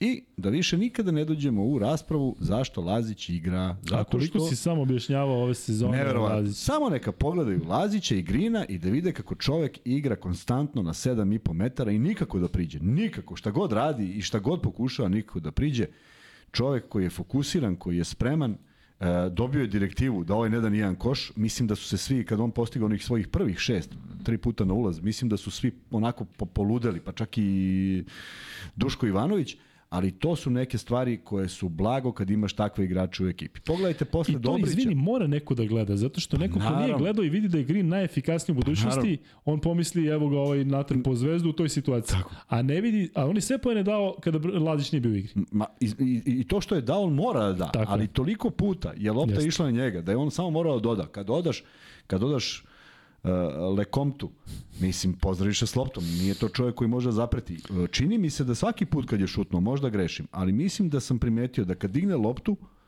da mu se ona blago zarotira još dok yes, je u ruci. Ne. I on je samo, i samo po sebi čudno njegova rotacija. Meni uopšte nije jasno kako yes. ta lopta stigne. Gde, Matematički, da, fizički. Gde, fizički, gde, gde je naumila. Tako da eto pogledajte onako nešto što mi je upalo, a drago mi je da smo sedeli tako da stvarno si imaš doživlje da si na terenu. Mi kad radimo Euroligu ipak je to neki tamo red Ovo je baš kao da si na terenu i vidiš kako izgleda kada je neko fokusiran i sve čestitke, pogotovo što i pogodi kad treba i sve, ali da ne pričam previše o Laziću zato što je bilo ovde mnogo kandidata i da ne pričam mnogo pretrano o svima njima. Ovo što je rekao Luka, ono o, o, identično kako je Partizan igrao u jednom ritmu i mleo, tako je Zvezda izašla i ubacila u neku brzinu koju budućnost prosto nije mogla da prati. Dakle, e, samo, samo su mi u sećanju dve kontre, jedna Vildosa, jedna Kampaca, gde je to brzina, ne znam, ja ne znam da li, ono, da li ima ono najbrže, znaš ono koji istraču s loptom najbrže, ali to zastrašujuće deluje zato što ne možeš da stigneš da konsoliduješ odbranu, svi raspoloženi u šutu, Zvezda promašuje četiri puta otvorene trojke i onda Nedović daje onu najneverovatniji koš, verovatno yes. viđen u pioniru. Tako da je, i tu ti se sve okreće. Cela ta sezona je, znaš, jedna, jedan, jedan perpetuum mobile. Stalno iste stvari se ponavljaju samo u različitim momentima. I zaista mi je krivo zbog jedne stvari. Video sam Petra Mijovića kojem je delovalo mi je da, da njemu najviše stalo. Znači nije on čovjek glumio tamo nešto, nego je Koliko pokušao... Koliko je to toga što su mu glavni igrači stranci? Što njegov njegov njegova ekipa i on je verovatno i desetak dana koliko su oni imali tu neku a on ih je sve do, on ih sve dobio na na izlog sve ih je dakle, dobio, on tako, je... i on je pokušao i vidiš Jest. da mu je stalo i vidiš da se on nervira na minus 20 se nervira ovaj, koliko, koliko želi. I zaista sam mislio da će on biti taj neko ko će, ti si dobro primetio, možda se to stvarno i desilo, ti si dobro primetio za na utakmici polufinala FIBA Lige šampiona za Gillette, da će sada zbog takve vesti koje je dobio od ovih igrača odigrao i stvarno Naravno. su odigrali tu neku utakmicu. E, ja sam mislio da će tako nešto da se desi ovaj, igračima budućnosti. Nije se desilo, nekako nezainteresovani ili, ili možda u nemogućnosti da pokažu. Ja stvarno, danas sam u tom intervju rekao, jedan opširan intervju, ali sam rekao da bi mi stvarno bilo iznenađenje da Zvezda izgubi. Jer ja sad treba da vidim, ok, ko je taj koji... drugi meč. Drugi meč. Da. Ko je sad taj koji će da, da preuzme? Pa evo, ako Lazić bude bio na, može samo da bude sudijski kriterijum da iseku Lazića i iseku ovog, pa da ovaj ne može da igra. Ali snaga koju su pokazali, naspram snage koju su, koju su pokazali igrači budućnosti onako dva, dva različita nivoa. Um, ja moram da kažem još jednom da je Zvezda, koliko god budućnost delovala loše, delovala loše zato što je Zvezda tako ih je natela da deluje loše. Je, tako je. Dakle, govorimo o energiji u dvorani, govorimo o onome što je radio Kampaco, govorimo o onome što, što je radila cela ekipa, dakle, zaista ono prvo polovreme, e, napadački je izgledalo, ne mogu da kažem bez greške, Zvezda mogla lako da 70 pojena zato što To je neverovatno jer je bilo otvornih šuteva. Toliko otvornih šuteva koje su promašili igrači uglavnom na dodavanje Kampaca ali e, svaki igrač je apsolutno dao ono što treba, dakle nije bilo nikakvog ispadanja, ja se nećem nekog ispadanja u odbrani. Kada govorimo o selekciji faulova, kada govorimo o preuzimanju da, odbrani, kada govorimo o komunikaciji, to se zaista vidi ono što smo pričali, dakle da su počeli da veruju jedni drugima, da su počeli da, da, da su ušli u trening Tako je. i da zaista oni sada posle ovoga što se desilo sa Euroligom u smislu da, nije ušlo, da nisu ušli u top 8, zaista imaju poseban motiv da imaju. da tako isprave sezonu. Imaju, tako je. I, I ovo... to je ono što mene plaši kod Partizana, zato što mislim da za Partizan generalno osvajanje ABA lige nije potpuni melem na ranu da ti kažeš jel će Real da stoji, nažalost će ova, ova serija protiv Reala će stajati dugo, u glama igrača, u glama nas koji najmo za Partizan. Dakle, nije to sad mi kažemo, eto, osvojena ABA liga, nema veze, šta ima veze, ono, mogli smo na Final Ima veze, da. Znaš. E, to je, to je ono kada su kada naši gledalci pa uzmu i onda pričaju kako neko od nas priča gluposti. Ovaj sećaš se sećaš se onog kad kažem top 8 koliko je rizično u ovakvom sistemu takmičenja ići na top 8. Da. Ne kažem da ne treba da se ide na top 8, nego znam šta pro, prouzrokuje. Da su uspeli, ej, pa to, pa ja mislim da se Partizan prošeta. Ali kad ne uspeš, to zaboli. I to su dve, dve, dve strane iste medalje, al tako? Znači da. ti hoćeš i onda se desi ovakav šok. I sad, Partizan u svemu ovome nije mogo da sprema Zvezdu. Zvezda je 14 dana mogla da igra svoje utakmice, a da sprema Partizan. Je to sad ono što smo govorili, taj bizaran raspored? Pa da, ti apsolutno pa da, zavisiš od tako nečega... Je, tako, dakle, je, tako je, pa evo sad ide, ide sad nešto što je, što je navodno, nešto je navodno, nego što je Grbović izjavio, ovaj, što je Grbović izjavio, kako su to preneli mediji, ja stvarno ne znam. Mislim, ne znam na osnovu čega sve ovo što smo pričali u stožicama ovamo, onamo, ali pa i sad ovo. Kaže ovako, samo da mi se otvori ovaj. sad je našo da... Do interneta, znaš, mi uvijek sve svaljamo na internet. Da, kriv je internet. Ja, Kaže da, ovako. Kuzma čeka, ja da, da kažem, subscribeujte, lajkujte, e, facebookujte, Instagram, mujte i već šta se tu sve radi. To će mi Bane vremenom objasniti kako ovaj, treba da pozivam ljude da bi nam ti algoritmi... E, sad kaže, ovaj, sad neko, neko se poziva na ovo što je pričao Grba. Ne? Prvo i osnovno, neka Partizan saopšti koji su to termini finala, pošto ja ne znam, a ne znaju ni oni. Jel znamo termine finala ABA ligi? Naravno da ne znam, pa ja i ti smo ovde licitirali, a i pa nemoguće ne, ne, znati... Danas, jel zna neko, jel izašao negde raspored? Ne, ali nemoguće znati termine finala kada je Zvezda počela polufinalnu seriju pre nego što je Partizan počeo svoju četvrtfinalnu seriju. Kako da ih staviš? Znači nije mi jasno kako, onda će Partizan potencijalno Odnosno Zvezda potencijalno možda ima 16 dana. Ti znaš kako, pa da, ali ti znaš kako ABA liga funkcioniše, bar do sada. Pa ja znam da ne funkcioniše, sad će mi ti možda reći da Znaš kako ne funkcioniše do sada? kako se čisti, pa kao i pobede u dve, i ovi pobede u dve, da i odmah igraju, igraju u finale. Znači, da. uvek je bilo, nije bio raspored kao takav. Jest. Nego kao, da, u, nema, znaš, nema treću utakmicu. Ti znaš, recimo da sad imaš čoveka koji nije iz Beograda, hoće da gleda finala ABA lige i on u novembru kaže, daj da planiram ta da uzem odmor i da gledam ABA lige. E, znate, znaš, skratit ćemo, pošto šta ima bez da. veze sad tu. E, to, je, to su stvari koje se ne rade u normalnim ligama. Ali ćeš ja da ti kažem kada je prvi, prvi meč finala ABA lige. 4. jun. 4. jun? Da, pa šta sam ti rekao. To je, to je idealno, pa to, je, to je baš ovaj, brzo. Je. Znaš kako ga, kako ga imam zabeleženog? Aba, direktor Aba. Ne znam ko je, ali on mi posle sad na, na Whatsapp. Pa eto. E, dakle, 4. juna počinje finale Aba Ligi. Ne, to znam. rekao. 4. jun. 4. jun. Znači, ako Zvezda pobedi u ponedeljak, utorak, dakle. to je koji? 23. Treći, da. Desetak dana. Pa, okay. pa, pa ako si imao 9 dana između budućnosti ovog imena. Bombone.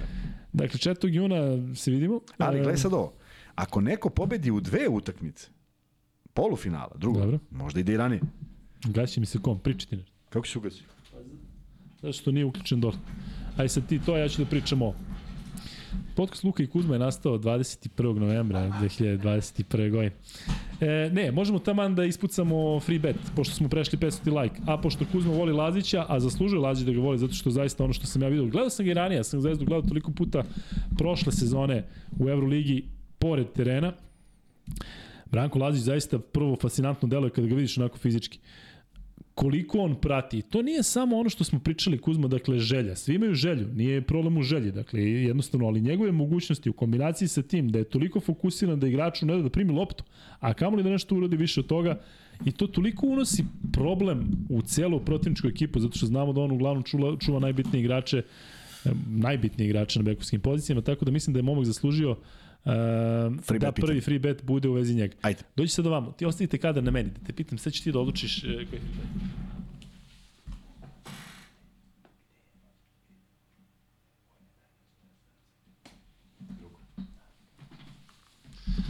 su čuli ovo sa ovim mikrofonom. Ali odobrao sam, odnosno Kuzma je odobrao, dao dva, pitanja, dva pitanja bude drugo. Dakle, koja je jedina e, medalja koju je Branko Lazić osvojio sa A reprezentacijom Srbije?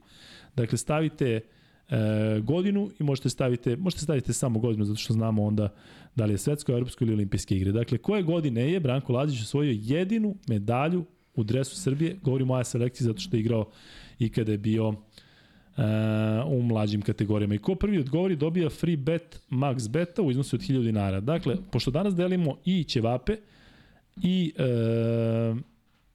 max bet, free bet kao i obično i sve nam šaljete na lukaikuzma.gmail.com olakšite nam pa samo u mailu pošaljite ćevapi, žika, kako zove, kražek, kražek? Knažek, knež, knažek, knežak. Knežak, knežak, a ovde da znamo da je za free bet, da je za free bet, da bismo lakše ovaj, vama jednostavno prosledili nagradu. Tako da, e, 2017. je tačan odgovor, a prvi koji je odgovorio je Ilija Živodinović. Kao i obično, Ilija Živodinović dobija sve free betove koji postoje, tako da Ilija šalješ na lukekuzma.gmail.com. Kuzma, da se vratimo na zvezdu. Ajde. Uh, šta je to što si video da je očigledan napredak u odnosu na neke stvari odbrana, tokom odbrana, odbrana, pokrivanje u odbrani, E, individualnoj odbrani, ne samo u rotacijama, individualno i krpe se po navici, po nekim kretnjama koje su očigledno uvežbavali, ali e, mnogo je opasnija ta fokusiranost u, u 1 na 1, nema lakog prodora, sve što se isprati, sve što, sve što se svako ko prodire isprati se, e, jako malo smislenih akcija je bilo od strane budućnosti i koliko god ja smatrao da li su oni dorasli, dorastao protivnik i da li je to neki tim po mom ukusu, Ovde si potpuno u pravu, Zvezda je odradila posao defanzivno uh, izuzetno i dati 55 poena za polovreme nije nešto što Zvezda često radi, ali zaista je bila raspoložena i to je dovoljno govorilo koliko je ipak uh, odbrana budućnosti nije bila na nekom svom nivou. Ne znam od koga da očekujem tamo odbranu, iskreno govoreći. Uh, 51 poena je dala Zvezda za polovreme. Ti znaš da ti znaš da to ide uvek u varijanti da su za odbranu osuđeni domaći igrači. Pa ajde da vidimo koliko ih ima spremnih da to urade. Pa ja stvarno vidim da se taj Petar Popović ubi čovek kad god igra ovaj, i, i, jednostavno doživljava to na neki način drugačije, ali neki, neki potezi su neoprostivi bili. Uh, moram da izdvojim još jednog igrača, bez obzira na sve ovo što pričamo o Kampacu i o i o Vildosi, naravno, to je Luka Mitrović odigrao jednu fenomenalnu partiju. Kao i obično. Kao i obično. Ničim nas nije iznenadio da, što je bio fenomenalan. Tako da, eto, ovaj, ali prosto teško je naći neku slabu tačku u, u zvezdinoj igri, zaista mislim da je sve funkcionisalo i bilo, bilo onako najava vrlo kvalitetnih utakmica, jer samo kroz to i želim da posmatram eventualni derbi Zvezda Partizan, kroz kvalitet tih igrača, kroz uživanje koje su nam pružili ove sezone, kroz njihovo neko majstorstvo, Ne zanima me ništa sa strane, ni ko će da bude, ni gde će da bude, ni da li će svi, da li će pola, potpuno sve jedno, ali mislim da stvarno možemo da gledamo ozbiljne majstore na delu i da, da uživamo u kvalitetu te košarke. Kuzma, koliko je za Zvezdu bilo bitno to što su Euroligu, nakon što su saznali da neće biti ni teoretski u top 8, što su zaista dali sve od sebe i dobili one meče u seriji. Mi smo tada pričali o tome kako će im to značiti za nastavak e, sezone i to je praktično taj nastavak sezone. Dakle, dvomeč protiv Zadra, nije neka mera zato što ipak Zadar je Zadar. Ali protiv budućnosti gde smo očekivali ipak neki derbi, očekivali smo neku neizvesnost. Ispada lakše od, od, ove, od ove Tako prve. Znaš kako Goli, mislim da se... pobjedičkom mentalitetu. E, kako mislim to? da su dobili trenera koji prosto ne voli da gubi ni one najgluplje utakmice. Ja to, ja to nekako isto volim. Ja nenormalno mrzim da gubim, u bilo čemu. I onda kad gledaš, vidiš jednu za lajka, jednu čudnu reakciju Duška Ivanovića u nekom 17. minutu prvog, prvog polovremena kad on nešto poludi na neki koš.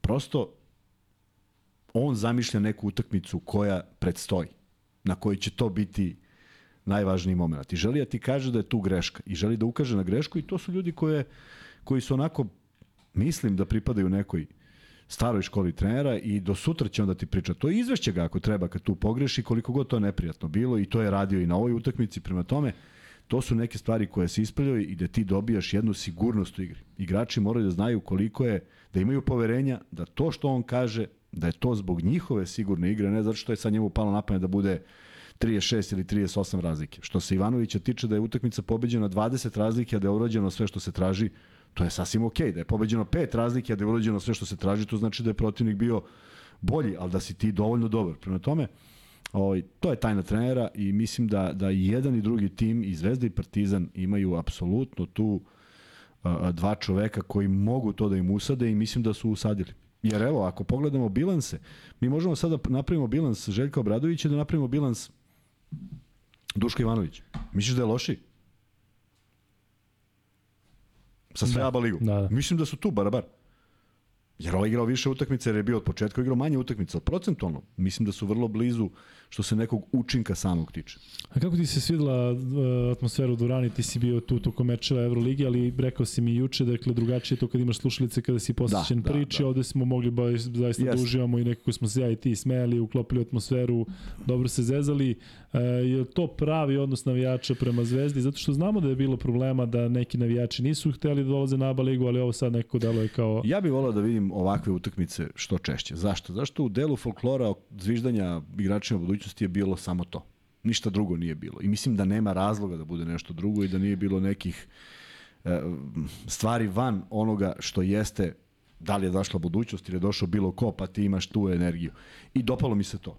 Dakle, niko nije prekoračio ništa, nigde nisu bile neke uvrede koje su pogrdne. Osim Javuru, ali to smo navikli. To, to je... Da. da kažu da sam ispratio, pa da, a vi znate kako odnos prema Javuru zbog onoga sa ja Stevanom. Ne, ja ću da kažem zašto si da. rekao. E, Luka je u tom trenutku rekao jedina pesma koju znam da otpeva. da, da, da. Jeste, istina. Tako da je ovaj zato zapevao.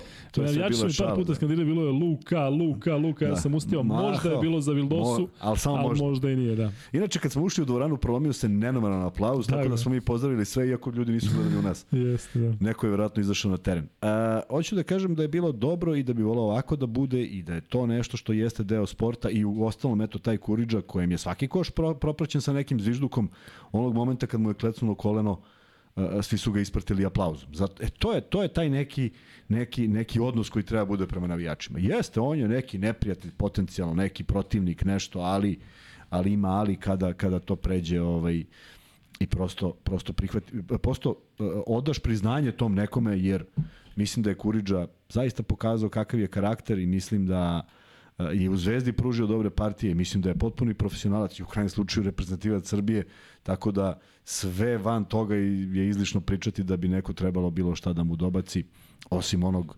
kada koš pa ti izviždiš jer si nezadovoljan njegovim pogodkom. E, da, bilo je aplauza za Kuriđu, jeste Kuri kada se povredio, kada je povredio kolno, pritom je i Bel Haynes imao onaj e, pad kada mu je jadnik, e, prvo mu je bila krva glava, pa se vratio, pa se onda nešto nezgodno ovaj, e, ponovo povredio, mislim da je noga bila, tako da baš ne znam u kakvom će stanju biti i Belhens i e, Kuriđa za ovaj meč koji se igra narodnog utorka. Kuzma, da li mi smemo da kažemo nešto o tom meču narodnog utorka? Kom? Kome? Budućnosti? Žiki, Podunavcu. A, ne, nego šta, da li mi smemo da nešto najavimo o čemu smo i ti pričali A ne, da? nećemo još, to ćemo ovih dana, sutra, preko sutra. Da, spremamo nijedno iznenađenje. Da. A, a što se tiče, da, ja bi, ja bi volao da bude puno morača, zato što to je jedan dobar ambijent, ne da bude puna da bi bila puna, pa da se pravi neki skandal kao što je bilo, kao što je bilo u ostalom i u Beogradu, nego da to bude zaista jedna utakmica u kojoj sve je moguće, evo danas smo videli da je sve moguće, ja bih volao da vidim i došao sam na utakmicu sa idejom da da pogledam eto na neki način svoja dva bivša kluba, Zvezda jeste klub za koji navijam, od, ka, od kako sam klinac, ali u budućnosti sam proveo tri godine, tako da uh, i to lepe da, tri godine. Da, pitali za koga si navijao. Pa, ne. naravno za Zvezdu, ali, ali želeo sam da vidim što bolju utakmicu i zato sam i došao. Ja redko posećujem utakmice kad ne radim, ne zato što ne želim, nego prosto uvijek imam neke obaveze koje ne mogu da stignem tokom nedelje i, ovaj, i, i s jedne strane je bilo zadovoljstvo gledati uh, jednu, jednu ozbiljnu mašineriju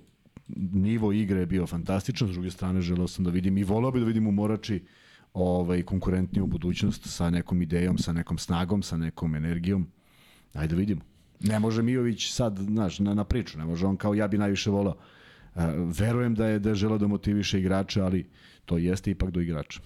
E, Dario Vasić ima jako lep komentar, nemojte se ljutiti Ivane, ja se malo prešalim, dakle ne stižemo da pročitamo sve, dakle Kuzma kada se zalufa ne može ga prekidaš, posle hoće da bije, dakle ja, imajte, ne, uopšte ne imajte razumevanje što ne, ne pročitamo sva pitanja, ne pročitamo sve komentare, ja toliko puta se dešava, bukvalno na stotine hiljade puta tokom ovih 173 podcasta, dakle da vidim nešto dobro, međutim mene ode misao, nešto se desi, imamo max bet, gledaj nešto drugo i onda zaista neke dobre stvari ne možemo da kažemo u live-u, ali bar su tu u četu. Tako da Ćao je danas imao dobre komentare i sada ćemo da se vratimo na jedan, ali hoću da kažem da je Dario Vasić rekao zaista je bilo, slušaj, Slušam. Zaista je bilo divota gledati vas sinoć u, pionir, u pioniru kako komunicirate sa pratiocima. Veliki pozdrav iz Bijeljeni, hvala vam što postojite. I tako još nešto lepo piše Dario, hvala tebi Dario. Ali lepo pa da se ne rasplaču. Tako je, da. E, Ćao kaže da je danas Kuriđi rođendan. Jest. Drugi free bet je sledeći. Kad je rođendan Kuriđi? Koji mu je rođendan? Koliko godina pusti danas Marko Jagodić Kuriđa, I... reprezentativac Srbije? Ko prvi odgovori dobije drugi free bet, a posle imamo još zilio nagrada, tako da... E, Slušaj, dok je Luka bio Ćela, Partizan gazio sve pred sobom. Ćelavit ćemo se ponovo ako zatreba, bez brige. Ako treba. E, tako da, ko prvi odgovori na ovo pitanje o Kuriđi, dobija drugi free bet max beta u iznosu od 1000 dinara. A mi možemo da kažemo sledeće. Lazar Ivanović je dobio e, drugi free bet. Laki šalješ na e, na naš mail. Mateja Babić je tu. Mateja, pošalji mi poruku kako ti se ovo proživljaš, što se dešava. E, pošto možda mi pomogneš pa da ja proživljam lakše. E sada, e, možemo da kažemo sledeće, da nema Miksa, Miksa tu, eno ga Miksa. Miksa, šaljem ti sada link za novu, u stvari to je dalje onaj link, dakle, Zlatibora, možemo da najavimo sledeću, sledeću uh, nagradnu igru. Samo je što ispravljeno, jesi probao? Jeste, pa oni e, kažu da radi, jesi probao ti? Nisi. Nisam, evo sad ću probao. Dakle, Sada ćemo staviti link za Zlatibor, za Galens, zato što smo napravili novih pet parova za nagradnu igru. Dakle, još jednom za one koji eventualno prvi put gledaju. Imamo uh, tri puta nagradu, vodite uh, na Zlatibor celu porodicu. Pa ne, viš koliko ima nagrada, imamo 60.000 nagrada, ali ova je zaista posebna. Dakle, svake nedelje imamo uh, tri dobitnika koje šaljemo na Zlatibor sa porodicama. Danas smo već izabrali jednog, hoćeš da kažeš jednom, Stevana Đelković, ili tako? I poslao vam sa pivom sliku i kaže hvala vam što ste mi izabrali. Carina najveći. Stevan Anđelović. Ali mi je otišla slika. Stevane, pošalji sliku još jednom da ostane, pa da možemo da je objavimo. Eto, da. prvi koji se javio i hvala što se javio. E... Drugi koji se javio, pardon. Javio se i momak iz Doboja. Za, zašto beše, za? Pa što mu je supruga... A, da, da, da, da, da što, je, što se zahvalio, Jest. kako ne. E, I dakle imate sada novu anketu, novu nagradnu igru sa pet parova. Ja ću sada pročitati koje smo parove izabrali. Samo, samo sačekaj još da, da uletim i u Ajde. ovaj... U... Ne, javili su momci iz Galensa da, da je red, da jesu, okay, da sad i, radi. Samo ako Verujemo radi, ajmo... Kuzma da uleti klizeći pa ćemo da onda nastavimo. Evo ga, još samo malo. Proveri samo da li su stvarno svih pet tu. Da, dakle, da, da. ne ono malo pre. Evo ga. Evo ga. To su Sve, svih pet. Jedna, dva, tri, četiri, sa sve logovima, svaka čast momci, bravo. E, Miks, ja ću sada ti pošaljem ovaj link, zato što prošle nedelje znaš da nešto ovaj, je malo zezalo. Ako ti pošaljem na Viber, to si ok, možda ga prebaciš vamo tamo ili ti mora na MaxBet, a? Evo, šaljem Miksi sada na Stavi ga na ekran, Viber. a stavit ćemo na priču parove Šta čim se završi. Pa nek stavi na ekran, gde ga stavljaš? U, a hoćeš u opis? Ma u chat live chat. Pa dobro da, bilo da ga je da. Da, da. A stavit ćemo ga u priču sa sve parovima i linkom. Ja to uvek uradim. Priču Samo, čega? Na Instagram? Da. Znači, priču, znam ja šta je priča na Instagram. To je story. Story, da, da. u story. Ovaj, sada će izađe link. Dakle, parovi koje smo izabrali i e, koje ćete pogađati ove nedelje su sledeći. E, sada ono što je interesantno za razliku od prethodnih situacija, nismo imali te meče koji su kasno tokom nedelje. E, to sada imamo. Dakle, prvi par je Efes Fenerbahče, to je 27. kolo Turske košarkaške lige, meč koji počinje sutra od 18 časova. Dakle, do 17 je prijava. Do 17 i Miksa kad stigneš samo u opisu stavi e, da je e, da primamo do 17 časova, dakle, samo da to izmenimo kao i obično. A link će biti u opisu videa za vas koji ne gledate u live. Drugi meč Denver LA Lakersi, počinje finalna serija zapada, e, sreda 2.30, dakle noć između utorka i srede. Sredu u 2.30 ujutru i odmah sledeće noć u 2.30 je naš treći meč, to je finale istoka, počinje ta serija, Boston igra protiv Majamija, dakle u T Gardenu se igra taj prvi meč i preostala dva para su četvrti i peti i to su naravno polufinalni mečevi Euroligije. Olimpijakos Monako koji se igra u petak od 17 časova i 3 sata kasnije od 20 časova El Clasico u okviru Euroligije, Barcelona, Real, ne mogu da verujem danas kada sam sastavljao ove parove da, je da pišem Barcelona, Real, da ne da. pišem Barcelona, Partizan, se ću da. šikne moj telefon tamo u zid. Neverovatno zaista. Pusti telefon pa shvatiš. E, da. E, kaže Laufer Luka, kada, kad krenu reklame u live-u, dotakli ste next level na YouTube-u. Ma da, sad prolazimo sve levele. Dakle, ono. Hm? Utorak do 17 časova. Da, da. Do dakle, utorak do 17 časova. E, za te reklame neko je napisao, kažu, uradite nešto po tim reklamama. Šta da uradimo? šta mi, mi da uradimo po tom mi pitanju? Mi trenutno smo toliko, e, što se tiče tehnike, sposobni da se jedno dopisujemo međusobno na Viberu. I za to nas nekad, tu nepak da. zabaguje. Ali, ali, ne, ali to sta, ne možemo, zaista, to je YouTube. Jeste, i to zaista valjda trebalo bi nama da ide u prilog, da valjda od tih reklama nam YouTube pa pogledajte neku reklamu. Veliki, da.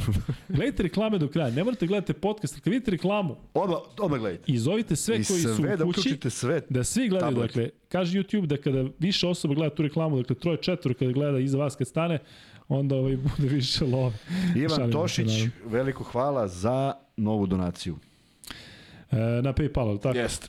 E, hvala puno Ivane, zaista fantastično, naravno za Taru ko nije, ko ne zna o čemu se radi, dakle imamo novu komunitarnu akciju. Biće ponovo u priči i biće u opisu na koji broj i tako dalje. Tako je. Mix je stavio sada ovaj link e, i u četu i gore vidite u vrhu četa, dakle samo nam potvrdite da je to taj link i možete da uh, krenete već u pogađanje novo. Uh, zaista veliki broj ljudi učestvuje, uvek izlačimo dakle iz ovog boula iz bowla izvlačimo ovaj, vidi ovaj što reklamira, ove što, što nam ne daju lov. Neverovatno. Zar nisu ista kuća? Pa gde su ista kuća, to su nam protivnici, čoveče. E, Kuzma, hoćeš da izlačimo drugog e, Zlatiborca. Smo spremni? Spremni smo. Ajde. Ja izlačim, Kuzma pokazuje, tako smo se podeli. Mešaj, mešaj. Nemoj ove vruće svrhe. Hoćeš da mešamo ovako? Ne, sad ovako. Ne uzmi nešto. Ne sve, zagrabi od ozdo. Gde su ovi familije Spasovski i Kuzmanović? Da vidimo. Evo, ja sam izvukao, izvoli. Opa. Ne vidi se, možda se pustiš malo. Turu, gde sam? Uros K 333 uroškej333.gmail.com je dobitnik dakle e, drugog porodičnog vikenda na Zlatiboru. Uroše, tebe će kontaktirati. Urosk 333. Dakle, vi koji dobijete Zlatibor, vas će kontaktirati iz Galansa. Vi koji dobijete uh, MaxBet free betove i ručkove, ovaj, vi šaljete na Gmail. Hvala Lima za Taru što doniraš. Lima donira 5 evra za Taru. Svaka Ivan Ivanoviću zaista bez zezanja. Dakle, hvala ti puno. Donirao si toliko tokom uh, prethodnih situacija. Ne moraš više nikada da doniraš ali samo pošalji da si cool, tako da, ovaj, da uh, šalio sam se ono kad si ti stavio unsubscribe, ja ovaj, kao i obično reagujem impulsivno i kažem odsubscribe se i odsubscribe se, ali da znamo da si tu zato što ovaj, si bio redom. Pa je, šta reći. E, dobro. Kuzma, e, još malo da pričamo o Zvezdi i budućnosti, zato što je Zvezda svojom igrom to apsolutno zaslužila. Pomenuo si taj drugi meč. Iz ovog sada ugla, nakon što smo videli u prvog, sigurno će meč biti neizvesniji, ali ja mislim da bismo se svi iznenadili kada bi taj meč otišao majstoricu. Bilo bi iznenađenje, koje da. naravno košarka može da priredi, međutim, e, posmatram samo, posmatram samo motivaciju. Šta je u glavi? Šta je u glavi jednog, šta je u glavi drugog trenera? Znaš, Petar Mivić dolazi na nasleđenu ekipu i četiri dana kasnije neko pušta vest da dovode golemca. Da, potpuno bez veze nema što da prija. Drugo, čovjek je fokusiran i ako, ako nešto znam o njemu, ne znam ga ja lično, ako nešto znam o njemu, znam da ima taj temperament da bi, da bi on bi volao pobedi Chicago u najboljim danima. Dakle, ovaj, treba to preneti na svoju ekipu. A mislim da nedostaje ta, budućnosti cele sezone nedostaje ta neka neko zajedništvo, neka energija, neka borbenost. Nešto što nije košarkaški kvalitet ono igrački kao znam da zavrnem desnom levom, nego je nego je neka neka energija. Kažem, kao da nisu igrali, kao da se nisu ne bore za istu stvar. Ali mnogo toga je zahvaljujući jednoj fantastičnoj odbrani iz koje je proizašlo mnogo toga. I, i, i ja bih voleo da vidim na izvesniju utakmicu, ali prosto Ajde vidjet ćemo, mislim, nije toliko daleko, nego ne znam, ne znam kako da se to... Boga mi nije da, da je baš blizu. Pa, pa do, da, 6-7 dana, do 6-7 dana. Svašta. 7 dana, 8 dana. Je. E, hvala Drago na donaciji iz Norveške. Kaže, pozdravite Džikića, Džile naš e, kolega podcaster bivši, zaista smo uz njega u ovom teškom trenutku u njegovom životu, ali zaista profesionalno on e, gazi sa Hapolom iz Jerusalima. Momci su osvojili izraelski kup, momci igraju jako dobro u izraelskom prvenstvu gde su ušlo u onu fazu pobednika pred play-off. Pobedio je nedavno Makabi još jednom uh, iz Tel Aviva, do duše Makabi je to bilo pred uh, e, u sred onog ludila protiv Monaka, ali zaista nije slučajnost pobediti, pobediti Tenerife u Fibinu Ligi šampiona, aktualnog šampiona u Španiji. Da, da, što smo konstatovali da je nemoguće, Jest, pa je bilo... Da. Tako da ovaj, možda su se tu momci malo i potrošili, zato što je utakmica bila, Fittipaldi šutirao trojku za, za pobedu. Jednostavno kad dobijete na taj način, morate odmah da tako brzo meč za titulu. Košakaši Bona su se bolje snašli i zaista fantastična igra TJ Shortsa, fantastična igra Bona protiv Unikahije, dobiti u Malagi, ali način na koji su dobili, oni ja mislim da su da su onako bili u prednosti e, protiv Hapola i taj loš početak, nažalost, Jerusalime što titula, ali mislim, ono što sam već rekao, e, jedno čekam da Gilleta vidim e, nakon epizode u Hapolu, nek traje što duže, nek bude što uspešnije, ali sigurno sam da ću u jednom trenutku preuzeti Makabi za 3, 5, 10 godina. Jednostavno Izraelci kada vide ovako da se neko ističe u njihovom prvenstvu, znaju to ovaj, da, da, da nagrade tako što te odmah pozovu u Tim iz Tel Aviva. E, Gran Canaria odustaje od Euroligi, komentar, ajde Kuzma da, da pođemo da, to, da. zato što e, sam rekao... to je sad, ono, znaš ono kad Kuzma lupa gluposti. I ja kažem, da, da, već da. godinama pričam kako ne mora osvajač Evrokupa Pazi, da godinama igra... u podcastu teško, ali ajde. Godinama unazad, stalno, izađem tako napolje pa pričam Sam sa sobom, sa sobom. Da li znate? Pa što što se deli na ulicama. Pa da, da, da li znate da nema učešća?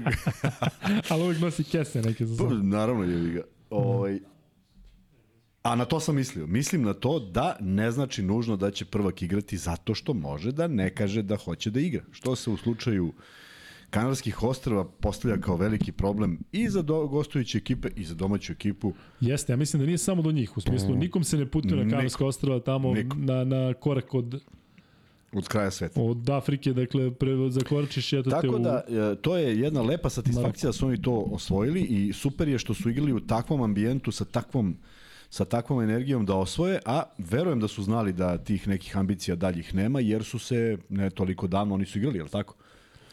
Igrali su 2018-2019, imali su skor 8-22, dakle nije to bilo toliko loše, ali jednostavno poseta i sve ostavilo je loš utisak sve Tako je, i jednostavno treba biti realan, Uh, što na neki način, ajde da kažemo, olakšava poziciju u Zvezdi, Partizanu i, ovaj, i Virtusu, pošto su oni glavni kandidati uh, Za ostanak. Za ostanak i za...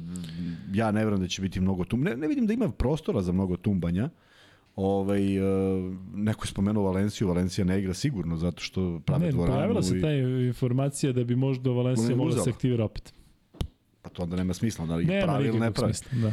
A sad možda tu nešto neko nekog ubeđuje. U svakom slučaju, ja zaista ne vidim da će to izgledati mnogo drugačije nego ove sezone. E, što ako dovede do toga da, da ove sezone nemamo osvajača Evrokupa.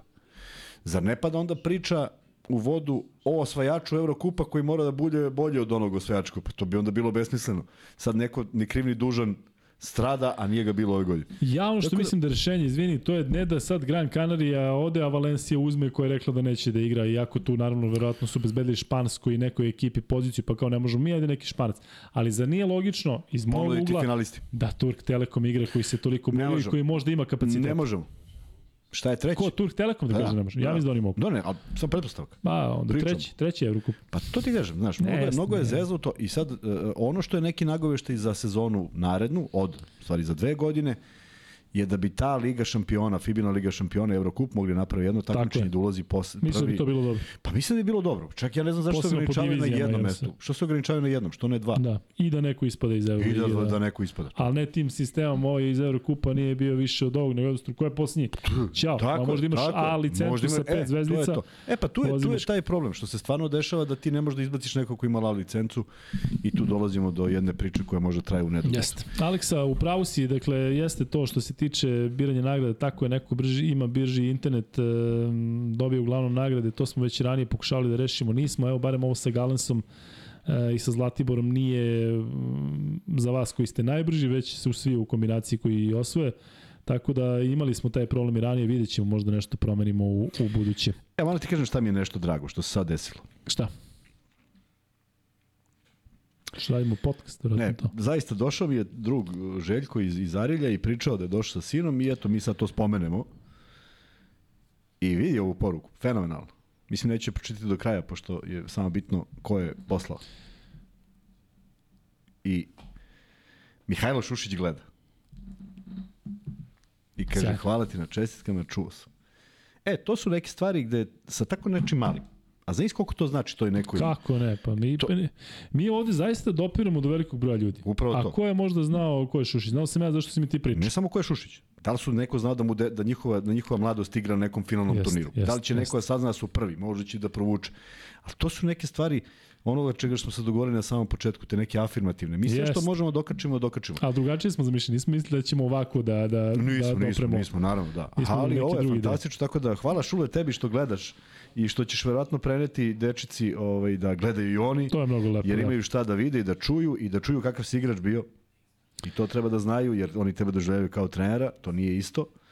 I onda ti nikad ne pričaš o sebi i kažeš, u, znaš kakav sam ja bio. E, tu smo mi da kažemo da je Šule bio ozbiljan igrač, bogom dana taj šut, vis, visina preko 2 metra. A koje godište? To je tvoj godina, ne? Šule, 70 ili 69 ili 71. Ne, 71. moje znači, godište. Znači malo starije od tebe, tu, to je. Da.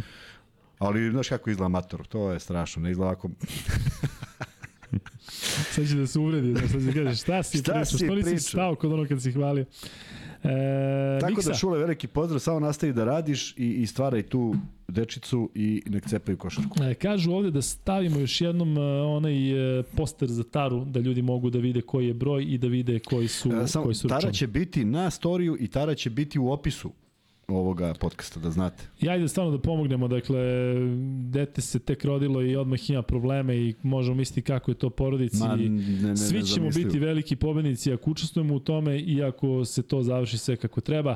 Dakle, za Tarin život 1489 na 30 30 možete vidjeti ovde i dinarski devizni račun, takođe imate i opciju E, za plaćanje iz inostranstva. Dakle, tu je IBAN, tu je SWIFT, još jednom da kažemo, dakle 1489 na 30 30 i 200 dinara se skida, a vama kojima je lakše da ili imate samo opciju preko Paypala, možete to da uradite i pošljete na Paypal Luka i Kuzma i naglasite da je za Taru, zato što i tu dobijamo neke donacije. Dejan Tomović iz, iz Dobrote, iz moje Dobrote, tamo letujemo, pa valjda ćemo da se i vidimo kada budem sišao, uplaćuje i Jugoslav Zvekić takođe, hvala puno momci, sve ovo kada se nakupi, a nadam se da ćemo, kad ćemo imati sledeći podcast? Sreda ili četvrtak? Sreda, ako bude gost, četvrtak sigurno naš termin 21 čas. Vidjet ću onda možda... Pratiš ti šta ja pričam? Ne pratim, pratim, nego sad sam nešto počeo razmišljam da im kada da skinem novac, jer uvek ima nekih transakcija tu, yes, znaš, nešto da. se uzima pa da se da bude što manje kad nešto najaviš ranije i tako dalje. Pozdrav od malog Luki iz Abu Dabija, veliki pozdrav za Abu Dhabi. Aleksa Damović, slušaj šta kaže, pošto je malo preko ovo nešto predložio, kaže opušten Luka, meni je nagrada što ste me spomenuli u podcastu, ovo ostalo sami dobio isti. Ja često govorim o tom momku koji je došao ovde i nek nam se javi koji igra za FNP za juniore, ako se ne varam, i koji je ovde došao po majicu i onda ušao ovde sam seo tokom podcasta i rekao, ljudi, ovo, za mene ovo stvarenje sna. Niste ga videli zato što nije bila kamera koja e, pokriva ovu treću stolicu, ali toliko je bila lepa energija i toliko smo se oduševili kad je pominjao i da mama gleda i bre, zaista fenomenalno. Zaista kažem, jedno čekamo e, da se vidimo sa vama. Na Adi, a datum ćemo imati jako brzo, dakle, realno da to bude početak juna uh, i uh, zaista će biti divno da se tamo družimo. Slaviša Pavlović donira za Taru, ozbiljna donacija, Mina Pavlović donira, Mina nije ti bilo dugo, nadamo se da je u Čikagu sve ok, Mina kao i obično široke ruke. E, Zabrinuli smo se za Minu, zabrinuli smo se za Mariju. Kad imamo tako neke devojke koje ono, i kad ih nema, onda da ali sad su obe tu. Mina hvala, Slaviša hvala, zaista još jedno lepo, što bi rekao naš Srkercek, donatorsko veče. U svakom slučaju, hoćemo da nastavimo dalje. Ovde neko pita da li znamo da je Pjanđani na Pragu da potpiše za CDVita Olimpiju. Čuo sam ja to, ali ajde kada smo već kod CDVita Olimpije, da se čuo za Pjanđani da dolazi u CDVita Olimpiju? GP. Je li ima neki takav? Da, ovaj trener nisam čuo. Ja, nisam čuo. Delo je kao neki italijan koji vozi motor. Jeste, jeste. Nisam, nisam čuo. Jeste, baš delo tako. Ali ovaj, sad tek skapiram, kapiram šta si rekao. Redom Simone Pidjani GP, ali ovaj, E, Kuzma, pošto smo pominjali CDVita Olimpiju zbog pobede protiv FNP-a, FNP je završio sezonu u ABA ligi, pa CDVita dobila tu seriju 2-1, uh, jesi nešto tu video posebno, povredio se Josh Adams i to izgleda malo ozbiljnije, da li je koleno ili izglob, ne se, u svakom slučaju E, moram priznati da me oni Manning razočarao, dakle, nije do promašenog zakucavanja, nije do promašenog zicera, jednostavno kada si stranac, igraš tako bitne utakmice koje određuju sezonu, dakle majstorice, ideš u polufinale, ideš na Partizan, a Burazeru mora energija da bude bolja, dakle svaka čast i njemu i Muru i svaka čast FNP-u što su prošli sa Frazerom, sa Valinskasom, ali jednostavno ovaj, volao bih da vidim e, da ti momci koji igraju imaju tračak energije, motiva, elana i želje kao Charles Jenkins koji isto stranac, a gledamo ga ovde kao našeg, a baš zato ga gledamo kao našeg. Kuzma, Jeste, potpuno si u pravu i ovaj, nedostaje to nešto, ali možda nedostaje i malo iskustva i malo dok se oni naviknu i on je došao, ne, nije od početka tu, je li tako? Ko? Pa Manning. Nije, nije, da. Pa da. I onda tu malo lutanja i to su neke adaptacije koje svi mi prođemo kada promenimo sredinu, tako da treba imati razumevanje, ali šteta, zato što ta druga utakmica je nagovestila da eto može da se da se ovaj računa na neku e, na neko iznenađenje. Bilo bi iznenađenje posle svega što FNP prošao. Ne bi bilo iznenađenje da FNP nastavi u onom sastavu u kojem je bio, ali ovako mislim da iza sebe imaju dobru sezonu, da su neki igrači, naročito Stepanović, pokazali jedan ozbiljniji kvalitet. Isto koji ovaj Ivišić, neverovatno kakve snimci sada ovaj, se dešavaju. Jest. Prosto dečko, dečko, dečko, druga dimenzija ovaj, igre i kontrola reketa i sve i svaka čast, tako da ajde da vidimo, bit će interesantno gledati njegov neki pristup utakmici u, u, u četvrtak. Vuk Vujović donira iz Švedski za Taru, hvala puno Vuče, e, ono moje staro piše dakle si ako si iz Stokoma, ovo da pričamo o krajevima gde si, šta si, kako si. E, Kuzma, Mening je e, počeo sezonu u Metalcu. I on je došao iz Metalca negde tamo, ako se ne februar, mart je došao u FNP. Ali to ima neku težinu u smislu, barem si otišao korak više, po smislu došao u FNP, ali ipak bio u Srbiji, dakle, poznaje dešavanja. Je li trebalo da je, da je prisebni? Da. Trebalo bi. Da, bilo je problema i sa Tilmanom u smislu da je došao pa je otišao. Mur je došao tokom sezone. Zaista toliko promena u jednoj ekipi koja je nakon počela sezonu u FIBA Ligi šampioni Ligi šampiona ispala od tih Beckenbersa. I onda se neke stvari složile i to je jako lepo. Na početku da, sezone pričao ovde Neša Stefanović baš u tom periodu kada... Poznati kada, kao Živanović. Da, poznati kao Živanović, tako da žao nam je što FNP završio sezonu u ABA ligi na taj način, ali eto, okreću, su KLS, okreću se KLS-u, e, oni igraju u KLS ranije kao i Mega, e, u odnosu na ove klubove ostala, mislim na Zvezdu i na Partizan, tako da sve u svemu, e, ono što sam htio da te pitam u vezi e, FNP-a, Sad zaboravio. Ne, nego se čini mi se da primaju jako la, lako poene. Dakle, toliko puta su im prebacili stotku, toliko puta im se ovako dešalo da trocifren broj poena. Jel to ima veze sa tim to silnim promenom u ekipi da ti jednostavno ne možeš da, da baviš moraš da igraš, pa moraš da igraš u ekipu. Mislim, da. prosto da. te neke stvari u odbrani, pa evo, kažem, gledamo kroz dva najbolja kluba, gledamo da neke stvari nisu legle, pa kad legnu, da. ti odjedno više nemaš te probleme, pa se to desi, pa ga primetiš da se desi, ali se desi sporadično. Tako da to su stvari uigravanja, to su stvari prepoznavanja onoga što trener traži. E, momci koji su došli u FNP su možda imali drugačije iskustva, možda manje zahteve. Ovi koji su u FNP-u kod e, Stefanovića već znaju šta je, ali to sve treba ukombinovati. I kad se, kad se jedan šaf poremeti, kao što je otišao Fraser, onda onda vidiš kako ekipa odjednom, odjednom se nešto desi kao da je neki potres, a jeste potres jer su taman počeli da se prepoznaju. Tako da, što manje promena je vrlo logično. Što manje promena, dobar izbor igrača i što manje promena ti je neka, neka sigurnost za kvalitet ekipe, za uigranost ekipe. Nema mnogo filozofije. Da. Uh, Kuzma, mi bismo lagano da prelazimo na NBA, osim ako nemaš još nešto da dodaš od ovih redovnih dešavanja, ali moram pod pitanje u vezi ovoga sada. Jel kada dolaze toliko, kada dolazi toliko stranaca u jedan klub, kao FNP recimo ove sezone, što je potpuno, dakle, mnogo stranaca je bilo, otišlo, došlo. Oni ipak, a pričamo odbrani, oni ipak dolaze da se napadački istaknu. Ja ne znam da li ti dovedeš nekog stranca pa jest, da on sada pa, stane pa da igra. Da li, pa onda postojiš pitanje, pa što ga doveo, što doveo baš stranca, daj nekog da. našeg koji ne može pogledati koš, pa neko on igra. Da, to moraju da budu igrači, ti sad moraš da se uzdaš da je on bio na dobrom koleđžu, gde je imao yes. zahteve i ove i one. Jednostavno oni svi promene svoje zahteve i oni, vidi, e, e, iskustvo sa američkim igračima ovog mog perioda je bilo kad, kad se pojaviš u nekoj zemlji gde imaš prvo, fizički su jako atlete su, dominantni su. Ali 90% rad, stvari rade rukama. Dakle, on ako može ti čači loptu, će to uredi jako brzo. Međutim, on nema položaj tela u odbrani, položaj nogu i nema onu školu. Znaš koja je naša škola bila?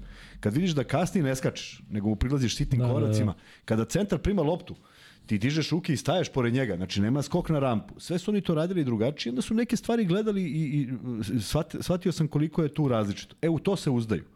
A kad dođeš u evropsku košarku, neke stvari su ipak drugačije. Menjaju se, zato što imaš sve više američkih igrača, ali i dalje postoje klubovi i treneri koji guraju tu neku ajde da kažem, evropski stil košarke koji su, čiji su zahtevi upravo to. Ne, ne da lupaš rampe, nego da mu ti ne daš da, on da, da, da se pozicionira ispod koša. Tako da, treba se i na to navići. Ali FNP otišao u tom nekom pravcu i ja verujem da oni dobro, dobro razmisle koga dovode, ne upali svako naravno, mislim da i finansijski dobro, dobro uh, promisle, a onda možda imaju neku dobru klauzulu da je to odskočna daska nekom igraču pa bude dobro i jednima i drugim. Da.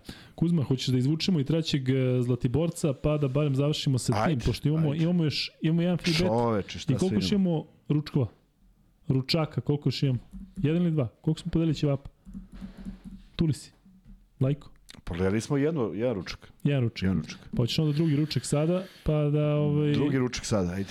Hoćeš ti neko pitanje ili ja ovde da izmišljam pitanja kao kroz ceo naš podcasterski pa, život? Ajde ti pričaj nešto, ja ću izmislim. ja pričam nešto, ti da izmisliš. E, da, ide, ja ću sad, ali ti imaš posle za, za, ajde, za ovo. Možeš. Dakle, e, pošto prelazimo na NBA ligu, sledeće pitanje će biti e, takvo da verovatno nećete moći da googlate. Dakle, imamo četiri ekipe u, uh, naravno, završnici finale zapada, finale istoka. Imamo četiri trenera. Koji je trener najstariji? Ne morate da kažete koliko godina, ali koji trener je najstariji od ovih koji su ostali u borbi za titulu? I ko prvi odgovori, taj je car, zato što to ne može baš da se ovaj, proveri, dakle mora da se zna ko je, sad već mogu da kažem zašto ste počeli da odgovarate. Ali, imamo Majka Melona, imamo Darvina Hema, imamo Matsulu iz Bostona i imamo Erika Spolstru iz Majamija. Ko prvi odgovori e, ko je najstariji trener u NBA ligi, dobije će vape u, ja uvijek zaboravim kako se zove, Kodžike, Knateš. Knežak. Knežak. E, Marko Topalović Topije odgovorio prvi, ali nije odgovorio kako treba. E, to je Risto Trivić, Risto Trivić uplatio za taru. Hvala Risto. Hvala Risto. Uh, dakle, Spolstra je najstariji, verovali ili ne. Spolstra ima 52 godine, 51 ima Melon, 49 ima Darwin Hem i Madzula ima godina ko moj lav. 34 godine. Uh, šta kažeš? Uh, lepi prvi, a? Miksa si dobio ti od... Pa Nikola Paunović, nemoj Miksa, molim te. Miksa si dobio fantazije? Nikola Punović ide na, na ćevape i šaš Nikola, javi se, javi se na, da. A ti pusti fantasy malo. Šta da pustim? Pa fantasy sada. Hoćeš fantasy sada? Pa da. Ajde, sada ćemo na fantasy pa da ćemo onda pričati o NBA ligi i Kuzma za pola sata moramo da završimo, znaš zašto imamo pa, posle obavesti. Ti ćeš. Poznani pa Evo ga. Top 8 u play-offu, Twente 2 šampioni, 6-2, 5-5. Twente je osvojio i baš ih briga za dalje za, za, za, za naredno kolo. RSB tim na drugom mestu avijatičari Ryan Key, Vozli, KK Polet 78, Wildfield, Max Bet, Alex D, Luka i Kuzma. A što se tiče petog kola, 196 bodova Delije, BMW, BMW svi, 189, KK Ropočevo, 188 Vozli, eto ga Vozli peti i odnosno četvrti, London Lions 185, Tabak Mala 181, baš kao i Sharp Shooters 9, KK Gladiatori na, de, na osmom i Luka i Kuzma tu negde. Idemo dalje, Miksa.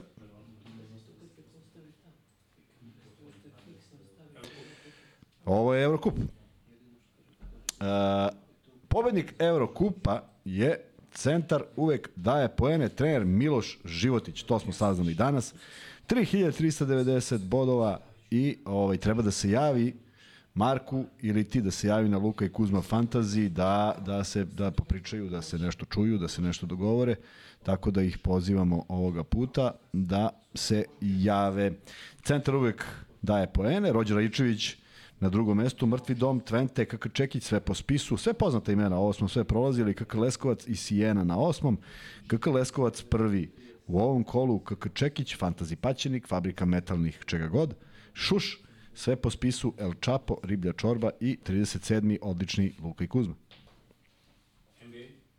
I NBA, za NBA da kažemo da su šampioni NBA lige Koke, no, ne, ABA Fantasy, on je ABA Fantasy bio. Smo malo prošli prvo ABA. Šta je bilo prvo? Tri je. A, da, samo da, ovo ću podsjetim posle da je ABA fan, da, da. Uh, kaže, za greš, nije greška za NBA, ljudi nisu postavili ekipe za prošlo kolo. Tako da, sve to, to je ovaj odgovor uh, Marka, a mi smo prvi sa 2221 bodom, Paku 6, Kobe Bryant, Hit, Hananci, Ozgilat, Eskadrila, Stavrosili. Vidi, mi smo prvi u, u ovom, pa to je to. Pak 6-2-2-1, Kobe Bryant, RSB Loznica, kako ono beše, Seks Brada, Kuzma Vlada, jeste, šteta što nisu bolje plasirani, šampioni, Bubanj Niš, Eskadrila i opet mi. I da napomenem da su pobednici Aba Fantazija, ja mislim da su stupili u kontakt sa, ako nisu da stupe u kontakt sa Luka i Kuzma Fantazijem sa Markom, ekipa Koke Nosilje. u kadru sam ja. E, Luka, dođi da izvučemo i trećeg dobitnika, pa da pređemo na NBA. Dođi slobodno.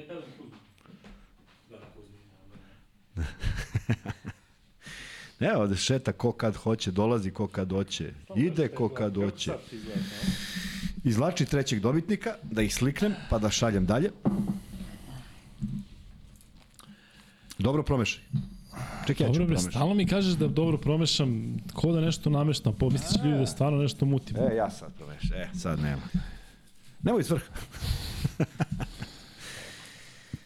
Ljudi, već smo stavili novi link, dakle, gde možete da za sledeću nedelju, koja je zaista najinteresantnija što se tiče parova, zato što imamo dva uh, NBA finala, istok i zapad, imamo dva meča polufinala Euroligi i imamo uh, turski derbi, FS Fenerbahče. Jesam u kadru? Yes. Asa Kota Mark. Gmail.com. Asa Kota Mark. Japanac neki, a? Japanac. Asa Kota Mark. Nema, nema ko drugi. Da. Asa Kota I da, ovo Mark nećemo da kažem. Mark gmail.com, to Mark, su tri dobitnika. Šalješ Mark na, uh, ne šliš ništa u stvari, šalju tebi Galensovci i možete da još jednom da kažemo za te vouchere koje dobijete za Zlatibor, dakle nisu fiksni datumi da morate sad prvi vikend da idete, nego momci zaista žele da, vide, da vidite kako je to divan hotel i kako je tamo divno, dakle kako se vama ovaj, uh, uklapa kako vam odgovara, dakle porodični vikend može do četiri osobe koliko sam razumeo, ako su porodice naravno ako su klinci i pitao je ovde neko mogu da idem sa staramajkom, mislim da se može, šalio. Može svi, tako je. Može naravno, tako da biće nam drago ovaj, da, da vidite kako je. Mi planiramo isto da idemo prvom prilikom kada se ugrabi i kad odemo da znaju Đole i Nemanja, ne vraćamo se. Znači ostajemo tamo dok nas ne izbacite. Šal na stranu, ali eto, ako idete u neko vreme kada mi možemo tamo da se vidimo i da uživo časkamo o svemu onome o čemu mi inače pričamo ovde. Miksa, spreman si? Pucaj. Miksa, da li Morent treba da Šta dobije, smo... znaš šta treba da dobije? Znaš kad, e, kad sam ja bio prvi drugi razred, bio je e, u učitelj Goran i on je nama zavrtao zulufe e, kad nisi dobar zavrtat će ti zulufe, ali te podignete sa zemlje, te podigne. Ali znaš šta je, moraš onda da mu se uhvatiš za ruke da ne bi ovaj bilo. Je li to rešenje za ovog nesretnog dečka koji, koji zaista... Pazi, ali sad stvarno, da, da su ga kaznili kako treba prvi put. Tako je, šta smo ti ja rekli prvi put? Pa 50 da, tekmi. Tako je. Šta je on dobio? 8. A dve bi ovako propustio jer je bio je, povređen. Tako je. Današnje ove generacije, naročito ovaj, ako uzmemo u obzir ove mlade koji dobiju mnogo para, a plati im se taj potencijal, znaš, pomislite da, da, da su iznad sistema, iznad svega. I on se provukao prvi put, stvarno je bio iznad sistema. Za ono što je on uradio, dobio je šta, osam utakmica. To je smešno. I kao išao na neko savetovanje i kao rešio je taj problem. Pritom, ovo što se desilo sada nije snimao on, nije snimao neko treći, nego je snimao neko iz njegovog uskog kruga. Da, znači, neko oni debeljuca, oni debeljuca je uvek u tu jedan najboljih prijatelja. Pa kakav ti je to prijatelj ako ti ovo uradi? Ne mnogo da ga vređam, viš da su gangsteri dođu nas iz Roka ovde u Svetogorsku 46, dakle, i to se u live, znaš, u live da nas... Da Ništa, nas, snimat će ovde Stefan. Ma, da, ne, ali stvarno, bez zezanja, dakle, nije mi jasan on i nije mi jasno da se on ikada uhvati za pištu, pritom ovde neko piše Dakle, on nije taj tip, on glumi gangstera, on je momak koji ima oba roditelja iz, dakle, skladne porodice, išao u privatne škole, dakle, nije dečko iz huda. Nije, nije. Koliko god se ponašao. Dakle, ja isto volim Sopranose i volio bih da budem uh, šef italijanske mafije, ali nisam, pa neću tako da se ponašam. Ali generalno, ovaj, zaista ovo što se desilo, mislim da mora da bude reakcija i Memphisa i Ligi. I da, dakle, da, da. da ne treba jedno da bije drugu. Sad Memphis ga kazni 10 utakmica, Liga ga kasni 15, pa onda on odradi ovo pa ovo. Dakle, ovo mora da bude jednostavno primjer, zato što ti kada ponoviš istu stvar, ja sam prvi koji napravim grešku i često sećaš se da sam ja rekao prvi put momku možda treba progledati kroz prste, zato što očigledno je malo devijantan no. kada to radi. Gledaj, treba ti progledati istu grešku. Treba progledati ali dati neku kaznu. Znaš, osam da. utakmice je baš smešno. Mogu je da dobije 20 sa, sa opomenom. Znaš, oni su mu baš Tako. progledali kroz prste. I pritom, izvini, on je rekao na kraju kada su ispali od Lakersa, ono što sam ja radio van terena je uticalo na ekipu i, i, i zato smo prošli ovako kako smo prošli. Dakle, već si ukanalio ekipu jednom. Pritom si najbolji, ja i dalje tvrdim da je on od Jasona Tatuma najbolji američki potencijal, dakle od američkih igrača, ne znam koga još, Zan Williamson se jadan povređuje, ali on bi trebalo da bude budućnost možda reprezentacije. Pa, ti uradiš ovo. Svašta bi trebalo da bude. Pritom je, znaš, ja verujem da bi on ušao u All-NBA tim, neki od timova. Sigurno. Nije, to urad, nije se to desilo zbog tih gluposti. To je 39 miliona. Pa je Nike odustao, pite Boga koji su to milioni. I ovaj Powerade mu je valjda jedan od sponzora, oni su stavili to na sad, pauzu ugovor. Sad ili prošli, prošli put? put? Da. Prošli put. Pazi, to, to, to su, pa ja verujem da je 200-300 miliona sigurno u nekoj priči bilo. I meni je neverovatno da neko ko je takav potencijal i takav talent, čoveče, završila se sezona. Prvo, uh, šta bi trebalo da radiš? Oporavak, jesi bio povređen. Znači, oporavak, uh, teretana, da ojačaš telo, da budeš porodicom, da, da budeš malo mirniji. Da, ti mi se voliš teretanu, ono, ono, ako mi delo da nije baš teretanu. Više brate, da mi neko nudi 200-300 miliona da treniram, Luka, ne bi sad bio ovde. Nudi ću ti ja, evo vidiš kako ovde ide sa donacijama, ovo mislim šalno strano više, većinom za taru, ali ovaj, sreću ti ja. Koliko treba? 200 milja, a? Ajde vidjet Stvarno, stvarno, stvarno mi nije jasno. Napravim računicu u glavi. Ali ovaj Pritom pogledaj kako je skocka na ta ekipa, on je tu glavni jest, i jest. trebalo Mlada bi da bude ekipa. trebalo bi da bude zreli, da bude Tako. vođa ekipe, ne samo na terenu. Znači još ajde kako ga hvale drugi da je na terenu inteligentan, da primećuje neke stvari, prosto mi je neverovatno da ne može da primeti da je taj krug ljudi oko njega pogrešan krug ljudi jer očigledno on želi njima da se dokaže. Da. Ja ne znam kom ili možda celom svetu da se dokazuje. Pogrešne načine bira da to radi. Jeste. I treba da bude kažem 50 tekmi minimum koji bi ja izabrao. Da. Jer ako sad ne napraviš primer, NBA je smejurija ovo komesar treba da reši. U NFL-u sam imao sličnu situaciju koju sam pratio. Nema veze što je najveća zvezda. Odmah ga saseci. Go, s psima ili nešto drugo? Da. Michael da, Vick je tada da, da. bio i sa Nike-om i mnogo kinti sve i napravio. Play. Borbe on, pasa, nije on taj... organizovao. Znam, ali sve te borbe pasa manje. su najvore stvari koje ono... Sve, sve to katastrofa, ali kako ga je kaznio NFL, brate? Suspendovo i odmah išao u zatvor. Možda je onako malo surovo, ali iz toga je naučio čovjek. Jeste. Odvojio se od tih prijatelja, odradio svoju kaznu i posle se vratio u ligu. Jeste, kad smo kod pasa, Ivan Jovanović koji ima psa na slici, e, kaže za Taru, cool sam, ali si me iznervirao i smajli, ljubi brat. Brate, isti smo i ti, tako planemo i ovaj, ono, toliko često si tu i toliko često se tvoje pojavljuje da jednostavno ovaj, zaista ne stižemo sve da, da, da ovaj, pitamo, posebno kada pričamo o Partizanu, a nešto pitaš o Zvezdi ili obrnuto, tako da ovaj, hvala ti što si dalje tu i kažemo, uopšte ne moraš da doniraš, vidim da si, da si, ovaj, da si, da voliš životinje, još si u Americi, ti si moj čovjek, ja, ne, ne, nema greške. Ovaj, e, Vuk Grbić je tu i e, Vuk Grbić pita sledeće, e, tu i Crni grobar, što meni mnogo znači, Vuk Grbić, Crni grobar, veliki grobar i našem, u našem podcastu, danas nas je manje. I on kaže, da li si sigurno da treba zaovek da dobije zabranu? Siguran sam da su igrači 90-ih radili gore stvari i dobili su manje kazne. Apsolutno si upravo, ali pa i sad ovo. OG Mayo, Tyreek Evans, Dakle, igrači koji su uhvaćeni sa marihuanom ili se u nešto pali na doping testu dobiju po 2-3 godine pazi, sa marihuanom koju tamo koriste, barem ovi moji su koristili kad sam bio tamo, neko se provuče, ja nisam, ne. Ja nisam nikad. koriste i dalje, ovi moji koriste i dalje. Ne, ja nisam, da. Ali pazi, on dobije zabranu 2-3 godine. A ti napraviš ovo opet. I sad ako će da poistovećuju taj kanabis, koji ja nikad nisam probao, niti ću, ne znam kako to se izgleda, i ovo što ovaj radi, posebno, evo ja, ja ću sada uh, najiskrenije da kažem, znate da sam ponekada pre, pretrano iskren. Dakle, to što je on uradio, verovatno u Americi se gleda ovako kako i mi gledamo ovde, u smislu da je ponovio, da je mentor i zato što je to uradio. Ali u ovom našem podneblju, to sa oružjem je trenutno toliko osetljivo i toliko me nervira. On, verovatno, dečko ne zna šta se dešavalo ovde. Ali to mahanje pištoljem u okolnostima koji su ovde aktualne dve, te nedelje, me toliko ovaj, dovodi do ludila da kažem ne bi mi smetalo, verovatno bi mi posle 2-3 godine da ga kazne za ovog da igra u NBA ligi.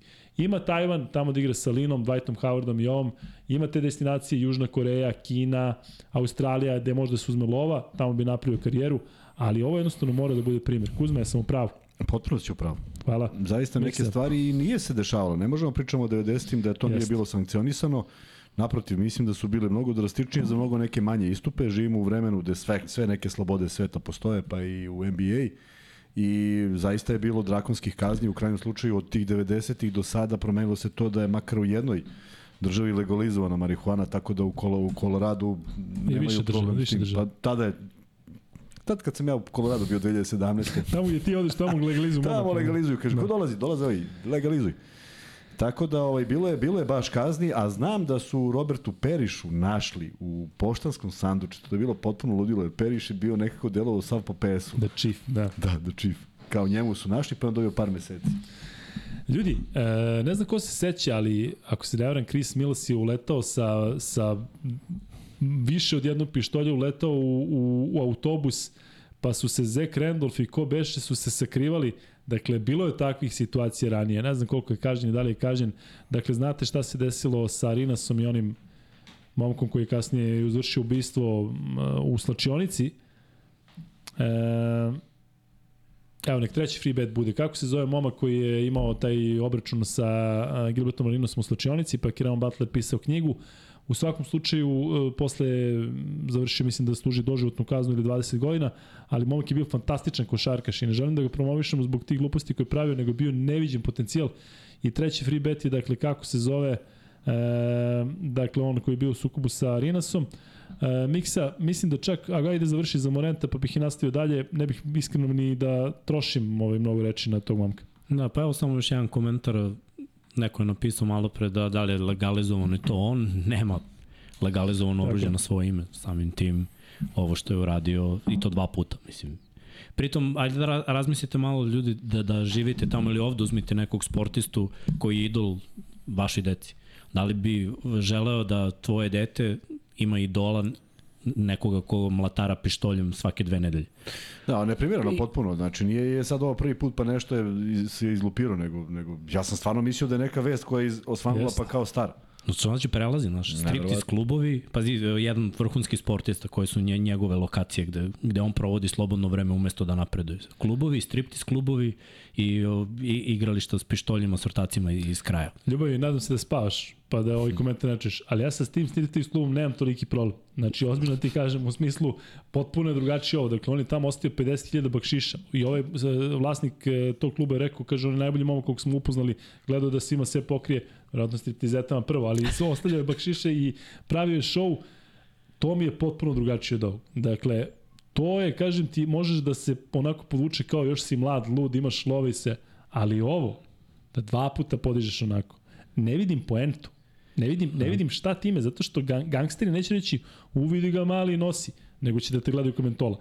Obični ljudi, kao mi, će da te gledaju komentola. Moraš, znaš, ne znam koja mu je ciljna grupa koji se obratio u ta dva navrata. Znaš da i kad se ponašaš tako, samo pitanje vremena kada ćeš biti na ulici i neko od ovih pravih gangstera će ti prići sa pištoljem. Jest, da, da. Mislim, dešavalo se. Evo, ove Jest. godine u NFL-u dečku upuca. Da, da, priča Isto tako, tamo. malo, malo je nešto pričao verovatno više nego što je trebalo i neko ko nema drugi izbor u životu, znaš, neko ko nema neke ciljeve i bilo šta za njega je to samo trzaj.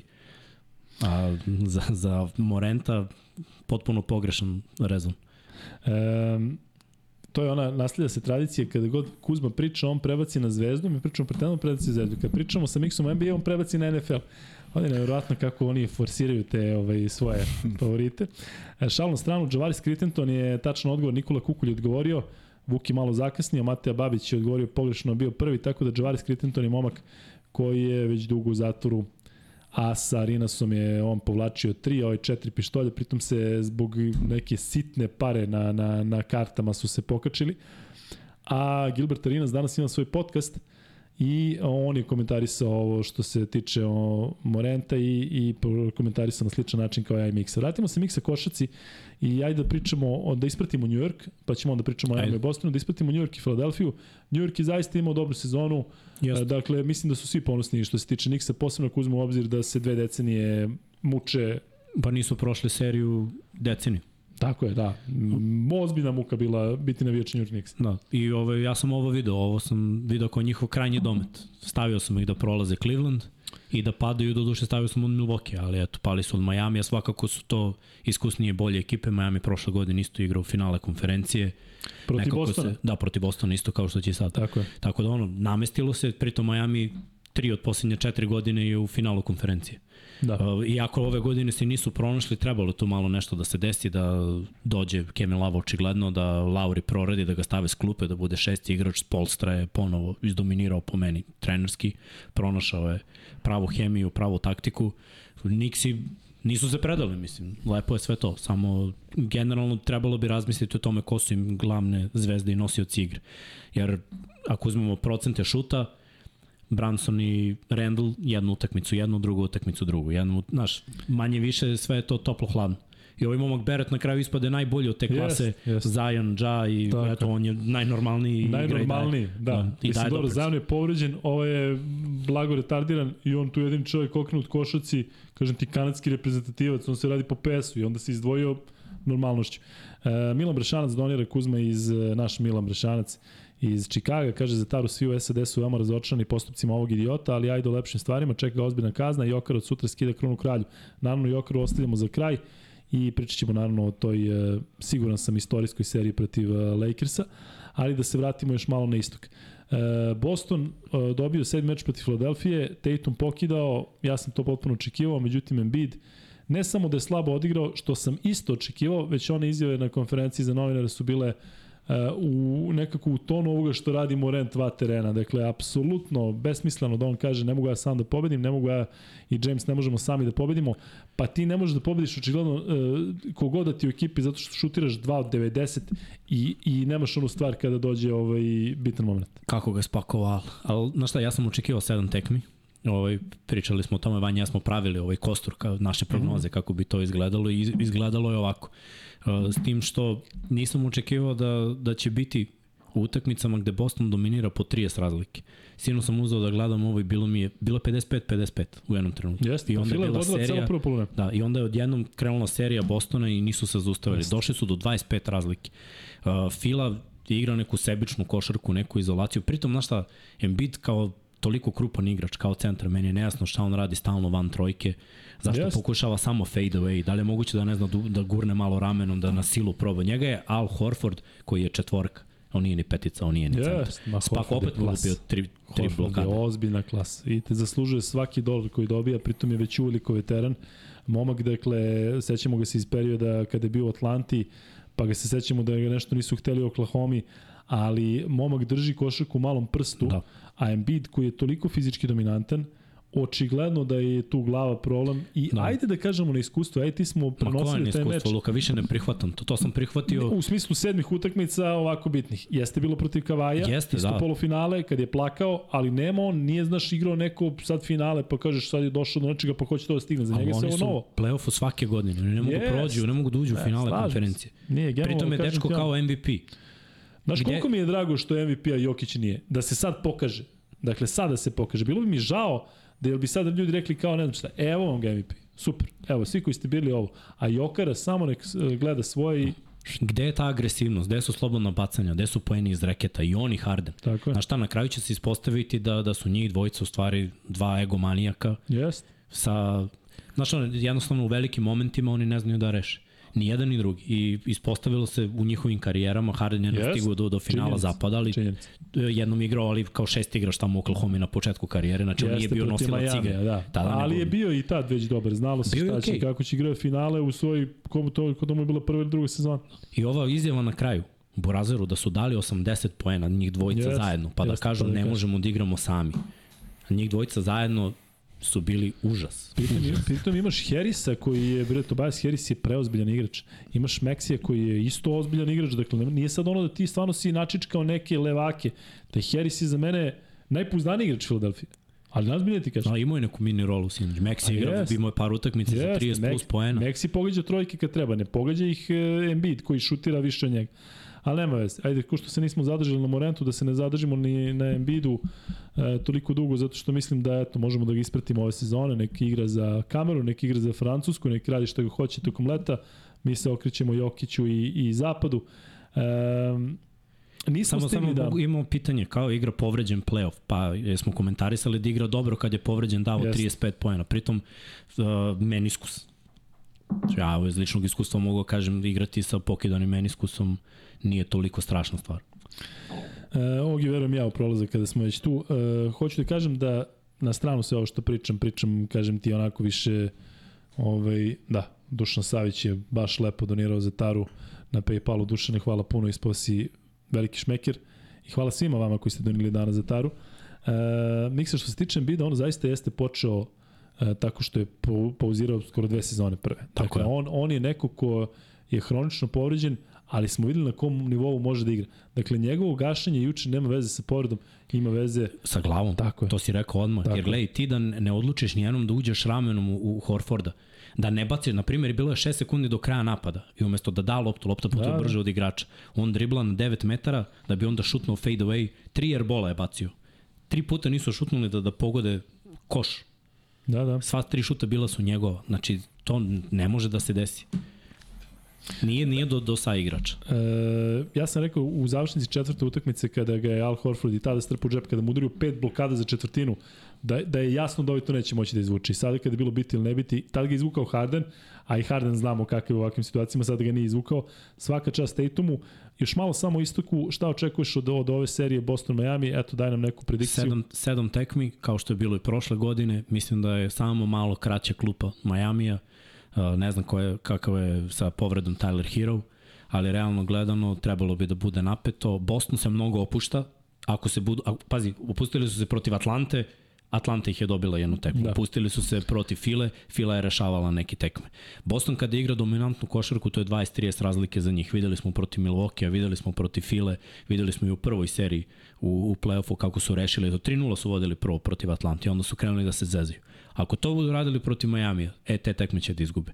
Ali ne verujem da Miami može da ih dobije na četiri ako budu igrali ovu košarku. Timska odbrana, preuzimanje, te lateralne kretnje, sve imaju. Mislim da će biti Horfordu i lakše da igra sa Debajom i Adebayo je hibridna petica, on je u stvari isto četiri. I ako ih šut bude naravno išao. I opet treba razmisliti malo u utakmicama koje se lome na jedan, na jedan posed, ne treba da rešava Marko Smart. Ako si već odlučio da ti Tatum bude igrač i lice franšize, daj mu loptu pa nek on šutne. Živi s tim. Mislim, da li će da. on da reši posljednji napad ili ne. Nemoj Marko Smart, nije, on je treća opcija u Bostonu. A rešio, dve tekme je rešavao protiv Fila. Jeste, da. I obe su izgubili. Tako dobro, ono trojka je malo zakasnila u produžetku, ono što je u četvrtem pogodio. Pogodio je samo je kasnije dve, tri desetinke. E, pitaju te da li bi trebao Morenta kratko da ili ne?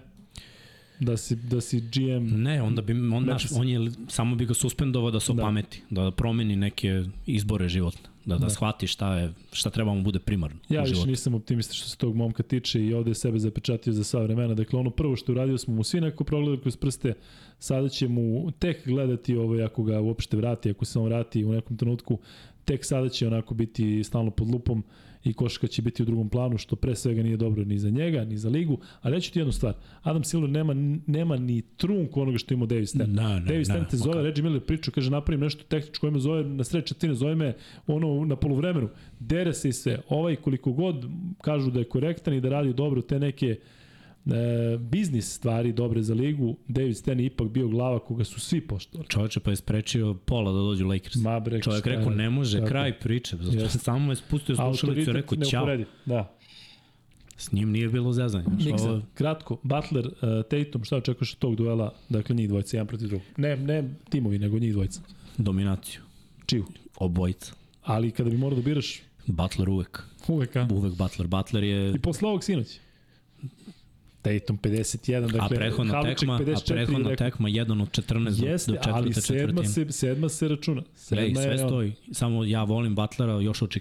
Butler, da je, Butler, da. Butler je pitbull, igra odbranu, grize. Uh, on je old school igrač, ja to volim. Nema mnogo trojki, polo distanca, prodor, balans, ozbiljan. Obojica su ozbiljne atlete, ajde da, da tako kažemo, ali voleo bih. Pritom uvek volim da, da navijam za nekoga ko nije favorit, tako da će mi biti drago ako Miami uspe ponovo da dođe do, do velikog finala. Uh, mislim da je Spolstar bolji trener, Tako da će mi biti drago ako prođe, ali iskreno, da, ja, ja sam stavio da. da Boston ide u veliku finalu u svojoj projekciji, deluje mi da su kompletni i bolji kao tim. Misliš da je prednost domaćih terena ovde bitna, nebitna, ključna? Bitna i, i klupa. Imaju par igrača više na klupi i, i eto, ti neki igrači iz klupe možda imaju ma, malo više iskustva. E, kada će basket crveni protiv belih? Početkom juna. Javljamo vam datum jako brzo kada sve dogovorimo sa Adom, sa Ultrom i sa svima koji će u tome da učestvuju. E, Miksa, Prelazimo na Jokića. Ono što bih ja lično volao, volao bih da vidim Miami u finalu, zato što uh, bih volao da vidim Jokića i Jovića u finalu. Jako Jović naravno nema ni približno takvu ulogu, ali Jokić... A šta je to? Mislim Jović da bi dobio neke minute, da, da je bio zdrav. Ma, kažem ti, generalno baš će biti lepo, razumeš, dva momka, ono, ta, sličnih košarkaških puteva, kako su počeli, šta su prolazili, kako su otišli. I zaista mislim da Jović možda ima jako dobru karijeru i bilo bi sjajno za njega da u svojoj prvoj sezoni dođe što je dalje moguće. Ali da pređemo na zapad, Lakers izbacili Golden State, samo kratko molim te o tome, zato što nismo stigli da pričamo o tome ranije, Džangir je bio ovde pa smo da. više pričali o ćevapima. Iskusnija ekipa što se tiče ovih e, igrača koji nose, treba reći da od velike stare trojke Golden State-a, Clay nije bio u šuterskom ritmu, i ovaj ostatak ekipe ne, nema pretarano iskustva i, i tačno se to vidio. Lakersi su znali svoju igru, mnogo da. bacanja, mnogo poena iz reketa, Golden State samo trojke i dok su živeli od trojke pobeđivali. A on živi od toga od kad su Jeste. se otkupili 2010. Od toga i od odbrane, a sad odbrane nije bilo. Nemaš no. ti igrača da čuva Davisa. Jeste, Kevon Looney koliko god bio dobar na skoku i sve, ipak je razlika Spor je, Damon je mali. I Jeste. to ti je mismatch koji imaš, koji treba da koristiš i Lakersi su bili dovoljno iskusni da prepoznaju da, da to treba eksploatisati do kraja.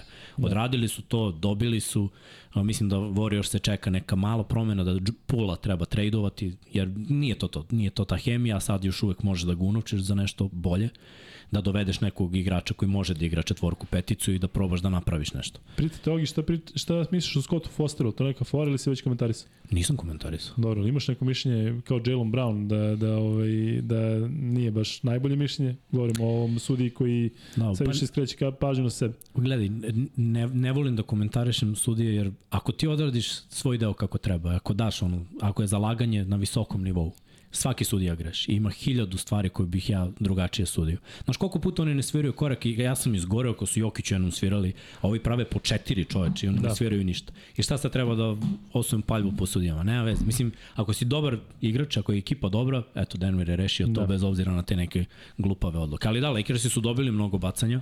Ne znam da li će biti tako protiv Denvera. Mislim da je Denver za razliku od Golden State-a krupna ekipa. Golden State nema niti pravu četvorku. Wiggins igra 4, on je 3.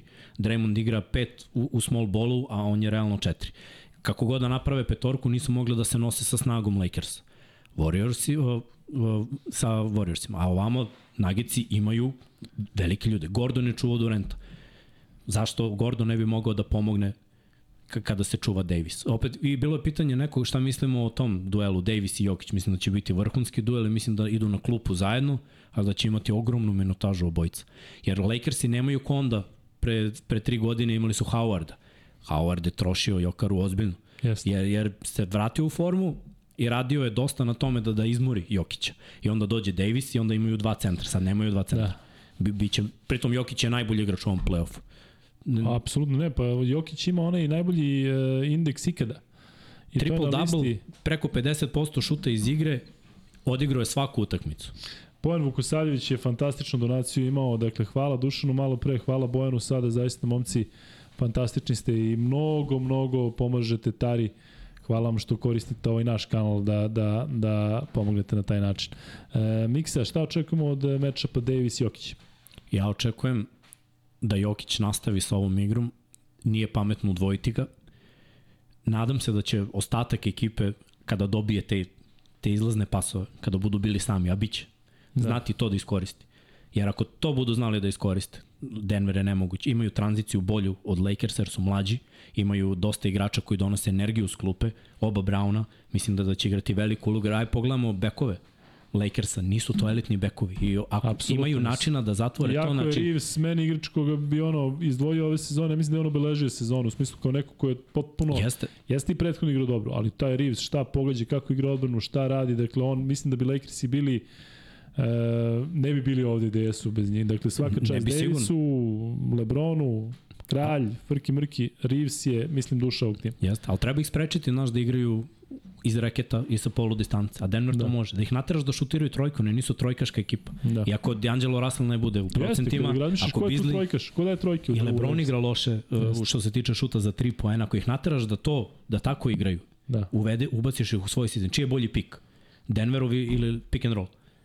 Denver igra 10 puta bolje pick Ja mislim da Jokić, e, koji god igra pick sa Jokićem, najbolji na svetu. Dakle. Ako Davisa izvuku napolje, pazi koliko je to backdoor utrčavanje, svašta može da, da se otvori tu. Ja mislim da Denver stvarno ima prednost u, u ovom match-upu.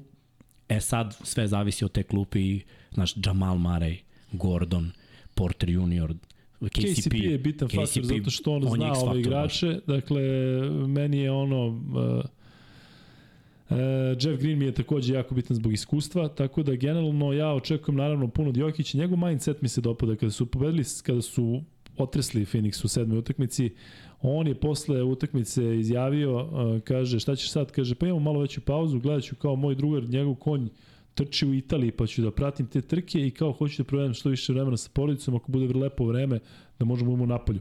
Fenomenalno, sve iskreno, dakle vidiš šta pričam bit, vidiš šta radimo rent i onda vidiš Jokića koji je ćale za sve njih, koji ima te neke najobičnije stvari, mislim da je ovo prilika koja ne sme da se propusti. Dakle, ne sme da se propusti, dakle ovo sada plašim se Mareja, plašim se Portera, ali mislim da je Jokić toliko dobar da njihove loše partije, njihove loše poteze može da nadoknadi. Um, Jedne i druge ekipe igraju jako dobro kod kuće, tako je. ali kod de, u Denveru se igraju prve dve. To je važno, jedna tekma jako više. Jako bitno da bude 2-0, dakle 1-1 nije drama, ali 2-0 kad bi bilo za Denver i kada bi kao protiv Phoenixa počeli seriju, mislim da bi to bilo ključno. Kuzma, od Jokića čekaš šta? Sad sam ušao, sam propustio. Da, e, ti tu čitaš PayPal donacije. Ovaj, da, bile su fantastične donacije, yes. hvala svima, ovaj, velika, velika pomoć i evo, s obzirom da ide ovako, već sutra ću da skočim do banke da to što pre ode tamo gde treba. E, što se tiče ovoga, da, pratio sam sve što se dešava, kako sami kažete, kada uđe u to neko, u tu neku završnicu bude interesantnije. Naravno, meni sve oči uprti u Jokića i vidim da neke predikcije koje ste vi imali pre svega su se ovaj, ostvarile, ali vidjet ćemo sad uvek uvek u tim finalima postoji to nešto što neko sačuva, neku energiju, neko nešto i donese novo i uh, neko otkrije nešto novo, tako da vidit ćemo, očekujemo na izvesnost u oba finala, a zaista jako teško je proći, a da nije zasluženo, dakle teško se provući kroz seriju od sedam utakmica, a da imaš neku zamerku, tako da ovaj, gledamo najkvalitetnije ekipe i da vidimo ko je šta spremio.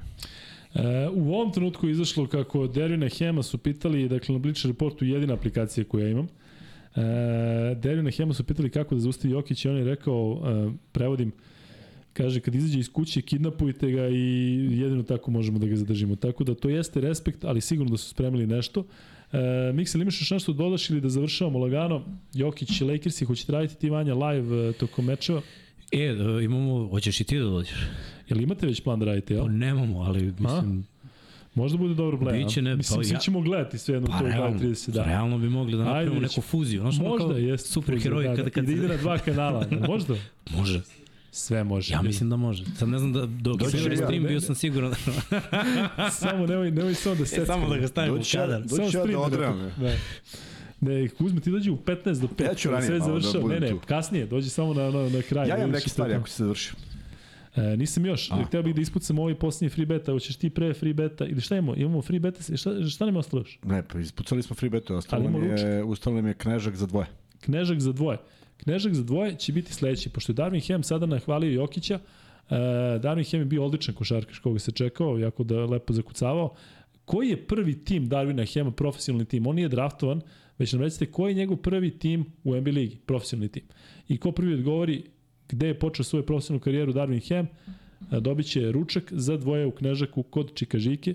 Čeka Žika ako ima 39 godina, potpuno smo u kanalu.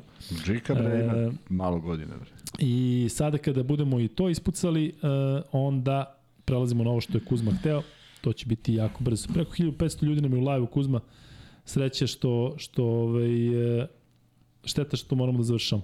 Mateja Babić dobija, Mateja dolaziš na klopu. Denver je prvi klub Darvina Hema, dakle, eto, simbolično njegov prvi klub, Sa klub su nije dobio prošli put. Šta?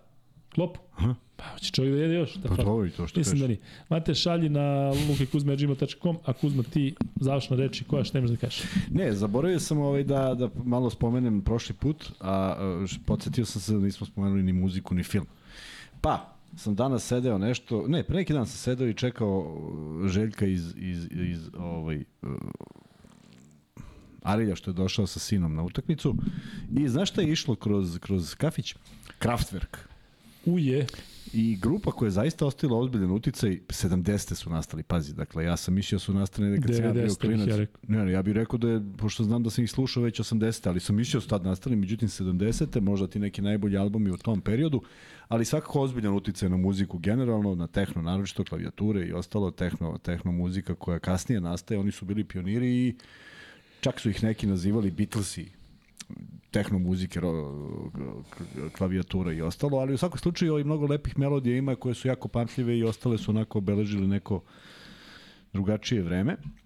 A, što se knjige tiče, baš sam nešto gledao jer nikako nisam ovo setim s obzirom da nema mnogo naslova od tog pisca, zove se Dave Hill i napravio je knjigu Tatin život. Genijalno, mnogi mogu da se prepoznaju, to je mogu, mogu li zamisle šta se dešava, ali za svaku preporuku vrlo satirično i čak mi deluje da je vrlo onako izbacio, izbacio iskustveno ovaj, uh, sve to što je napisao i imamo jedan predlog da malo pomognemo nekome, pošto mi znamo kako je na početku, kada ovaj, neke stvari ne idu kako poželiš, naime... Šta nama nije išlo kako smo poželili? Po nama sve, ne, ne, ne, na, mislim nekom, ne nama, nama ide sve to je... ne možemo da pomislimo da može bolje. Uh, samo da nađem. Da. Da, evo ga. Kaže ovako. Ne, ne, ne, ne, ne. Vladan Krečković je izdao svoj drugi roman koji se zove Večeras padaš sam. I s obzirom da je sve trebalo da ide u nekoj promociji knjige i sve ovo što se izdešavalo u periodu nije bilo ni do kakvog slavlja i promocije, tako da će ona biti naknadno, to je njegov drugenac, pošto je prvenac. Pa se to Mare Vlahović poslao? Aha. Pa Mare Vlahović je poslao, to ja sam zaboravio. Ja, Mare, izvini, molim te, ovaj, te podsjetio si Kuzmu. Kuzma je mnogo odgovorniji od mene. Tako da da, u sredu, tako? Šta je u sredu? E, promocija. Je u sredu? Pa ne znam, e, trebalo bi da jeste. U KC gradu? Da. Kulturnom centru gradu. A ne znam da li piše u sredu. Pa mora da piše. Moramo pozovemo ljude da dođu. Odložio je promociju, trebalo je da bude u KC gradu. U knjižarama Beopolisa može da se kupi. Ima debitanski roman. Aleksa Ajde, hoćeš da na Instagramu kada saznamo sve informacije. Stavit ćemo, imam, imam sličicu, imam sličicu o čemu se radi. Pratite nas na Instagramu Jest. i tamo ćemo da ovaj, ovo što sad ne znamo, umeđu vremenu ćemo Izdanje saznati. enklave i eto mi tako da pomognemo nekome koji je ovaj, uh, na... Ništa. Koji, eto, izdaje drugu knjigu, jednu zbirku pesama, tako da znamo, kažem, kako je biti na, na samom početku i nadam se da ćemo ovaj, malo zainteresovati ljude, a napravit ćemo objavu pa ćemo da pustimo gde kad budemo saznali. Drugi Marko Vlahović je tako da vidi i grobari i ko voli Mareta i ko je zadovoljan njegovom sezonom kako je odradio, a Mare je sa nama od samog početka i Mare je sjajan dečko bio ovde nekoliko puta, tako da eto, pretpostavljam da će on biti tamo, tako da možda vidite njega, ako mi budemo mogućiti doćemo i mi, samo da saznamo gde je i kad je. E, da li hoćete da radimo u sredu, skoro 2000 glasova, 2000 glasova, šta miš koliko da, koliko ne? 2000 glasova, 1800 ne, 200 da. Obrnuto. E, tako da, Ljudi, to je to za ovaj put. Ne znam šta još da vam kažem, sem da Kuzma opet kaže kao nismo pričali knjiga, film, ja prošli put i knjigu i film i seriju i sve pre, pre, preporučio i ja međutim on kaže Luča kapitan kaže e, Jeste gledali Green Book? Green Book je odličan film. E, pravila je, pravila je porodica Tonija Lipa, koji je u Sopranosima, sve vučike Sopranosima, glumio Kajmana Lupertacija, ali zaista divan film, poučan, lep, malo sporije počne. Dakle, prvi sat vremena ako se da. smorite jako Nastavite. dobro se to ovaj, završi i kraj je zaista fenomenalan, onako baš emotivan i rađeno je po istinitim događajima. Što se tiče moje preporuke, e, evo Lučo, gledaj seriju Horace and Pete. To je jedna od najboljih serija koje sam ikada gledao, onako je stagerana kao da je pozorišna predstava, osam epizoda ima.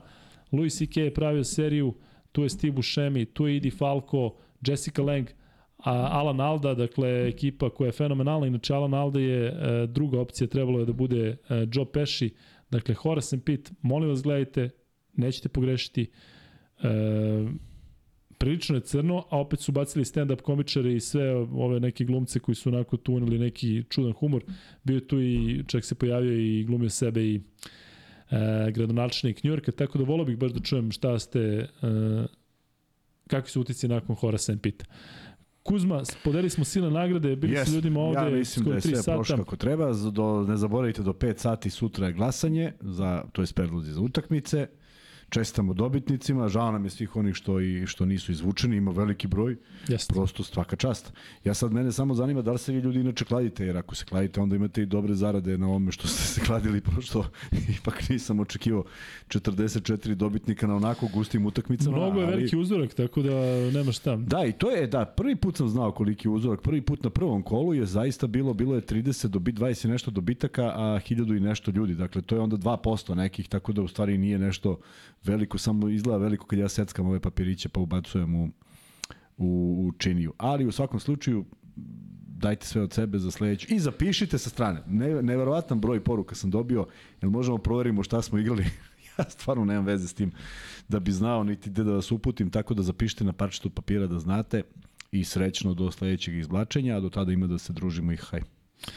Paul Rock kaže iz Hrvatske i pozdrav iz Hrvatske kaže oladite u sridu. Vidjet ćemo šta ćemo u sredu. U svakom slučaju hvala što ste bili danas sa nama u 173. izdanju. Vidimo se ili u sredu ili u četvrtak. Možete pratiti to na našem Instagramu. Dakle, obavestit ćemo ako imamo gosta, družimo se u sredu. Ako ne, onda u standardnom terminu u četvrtak. Ćao.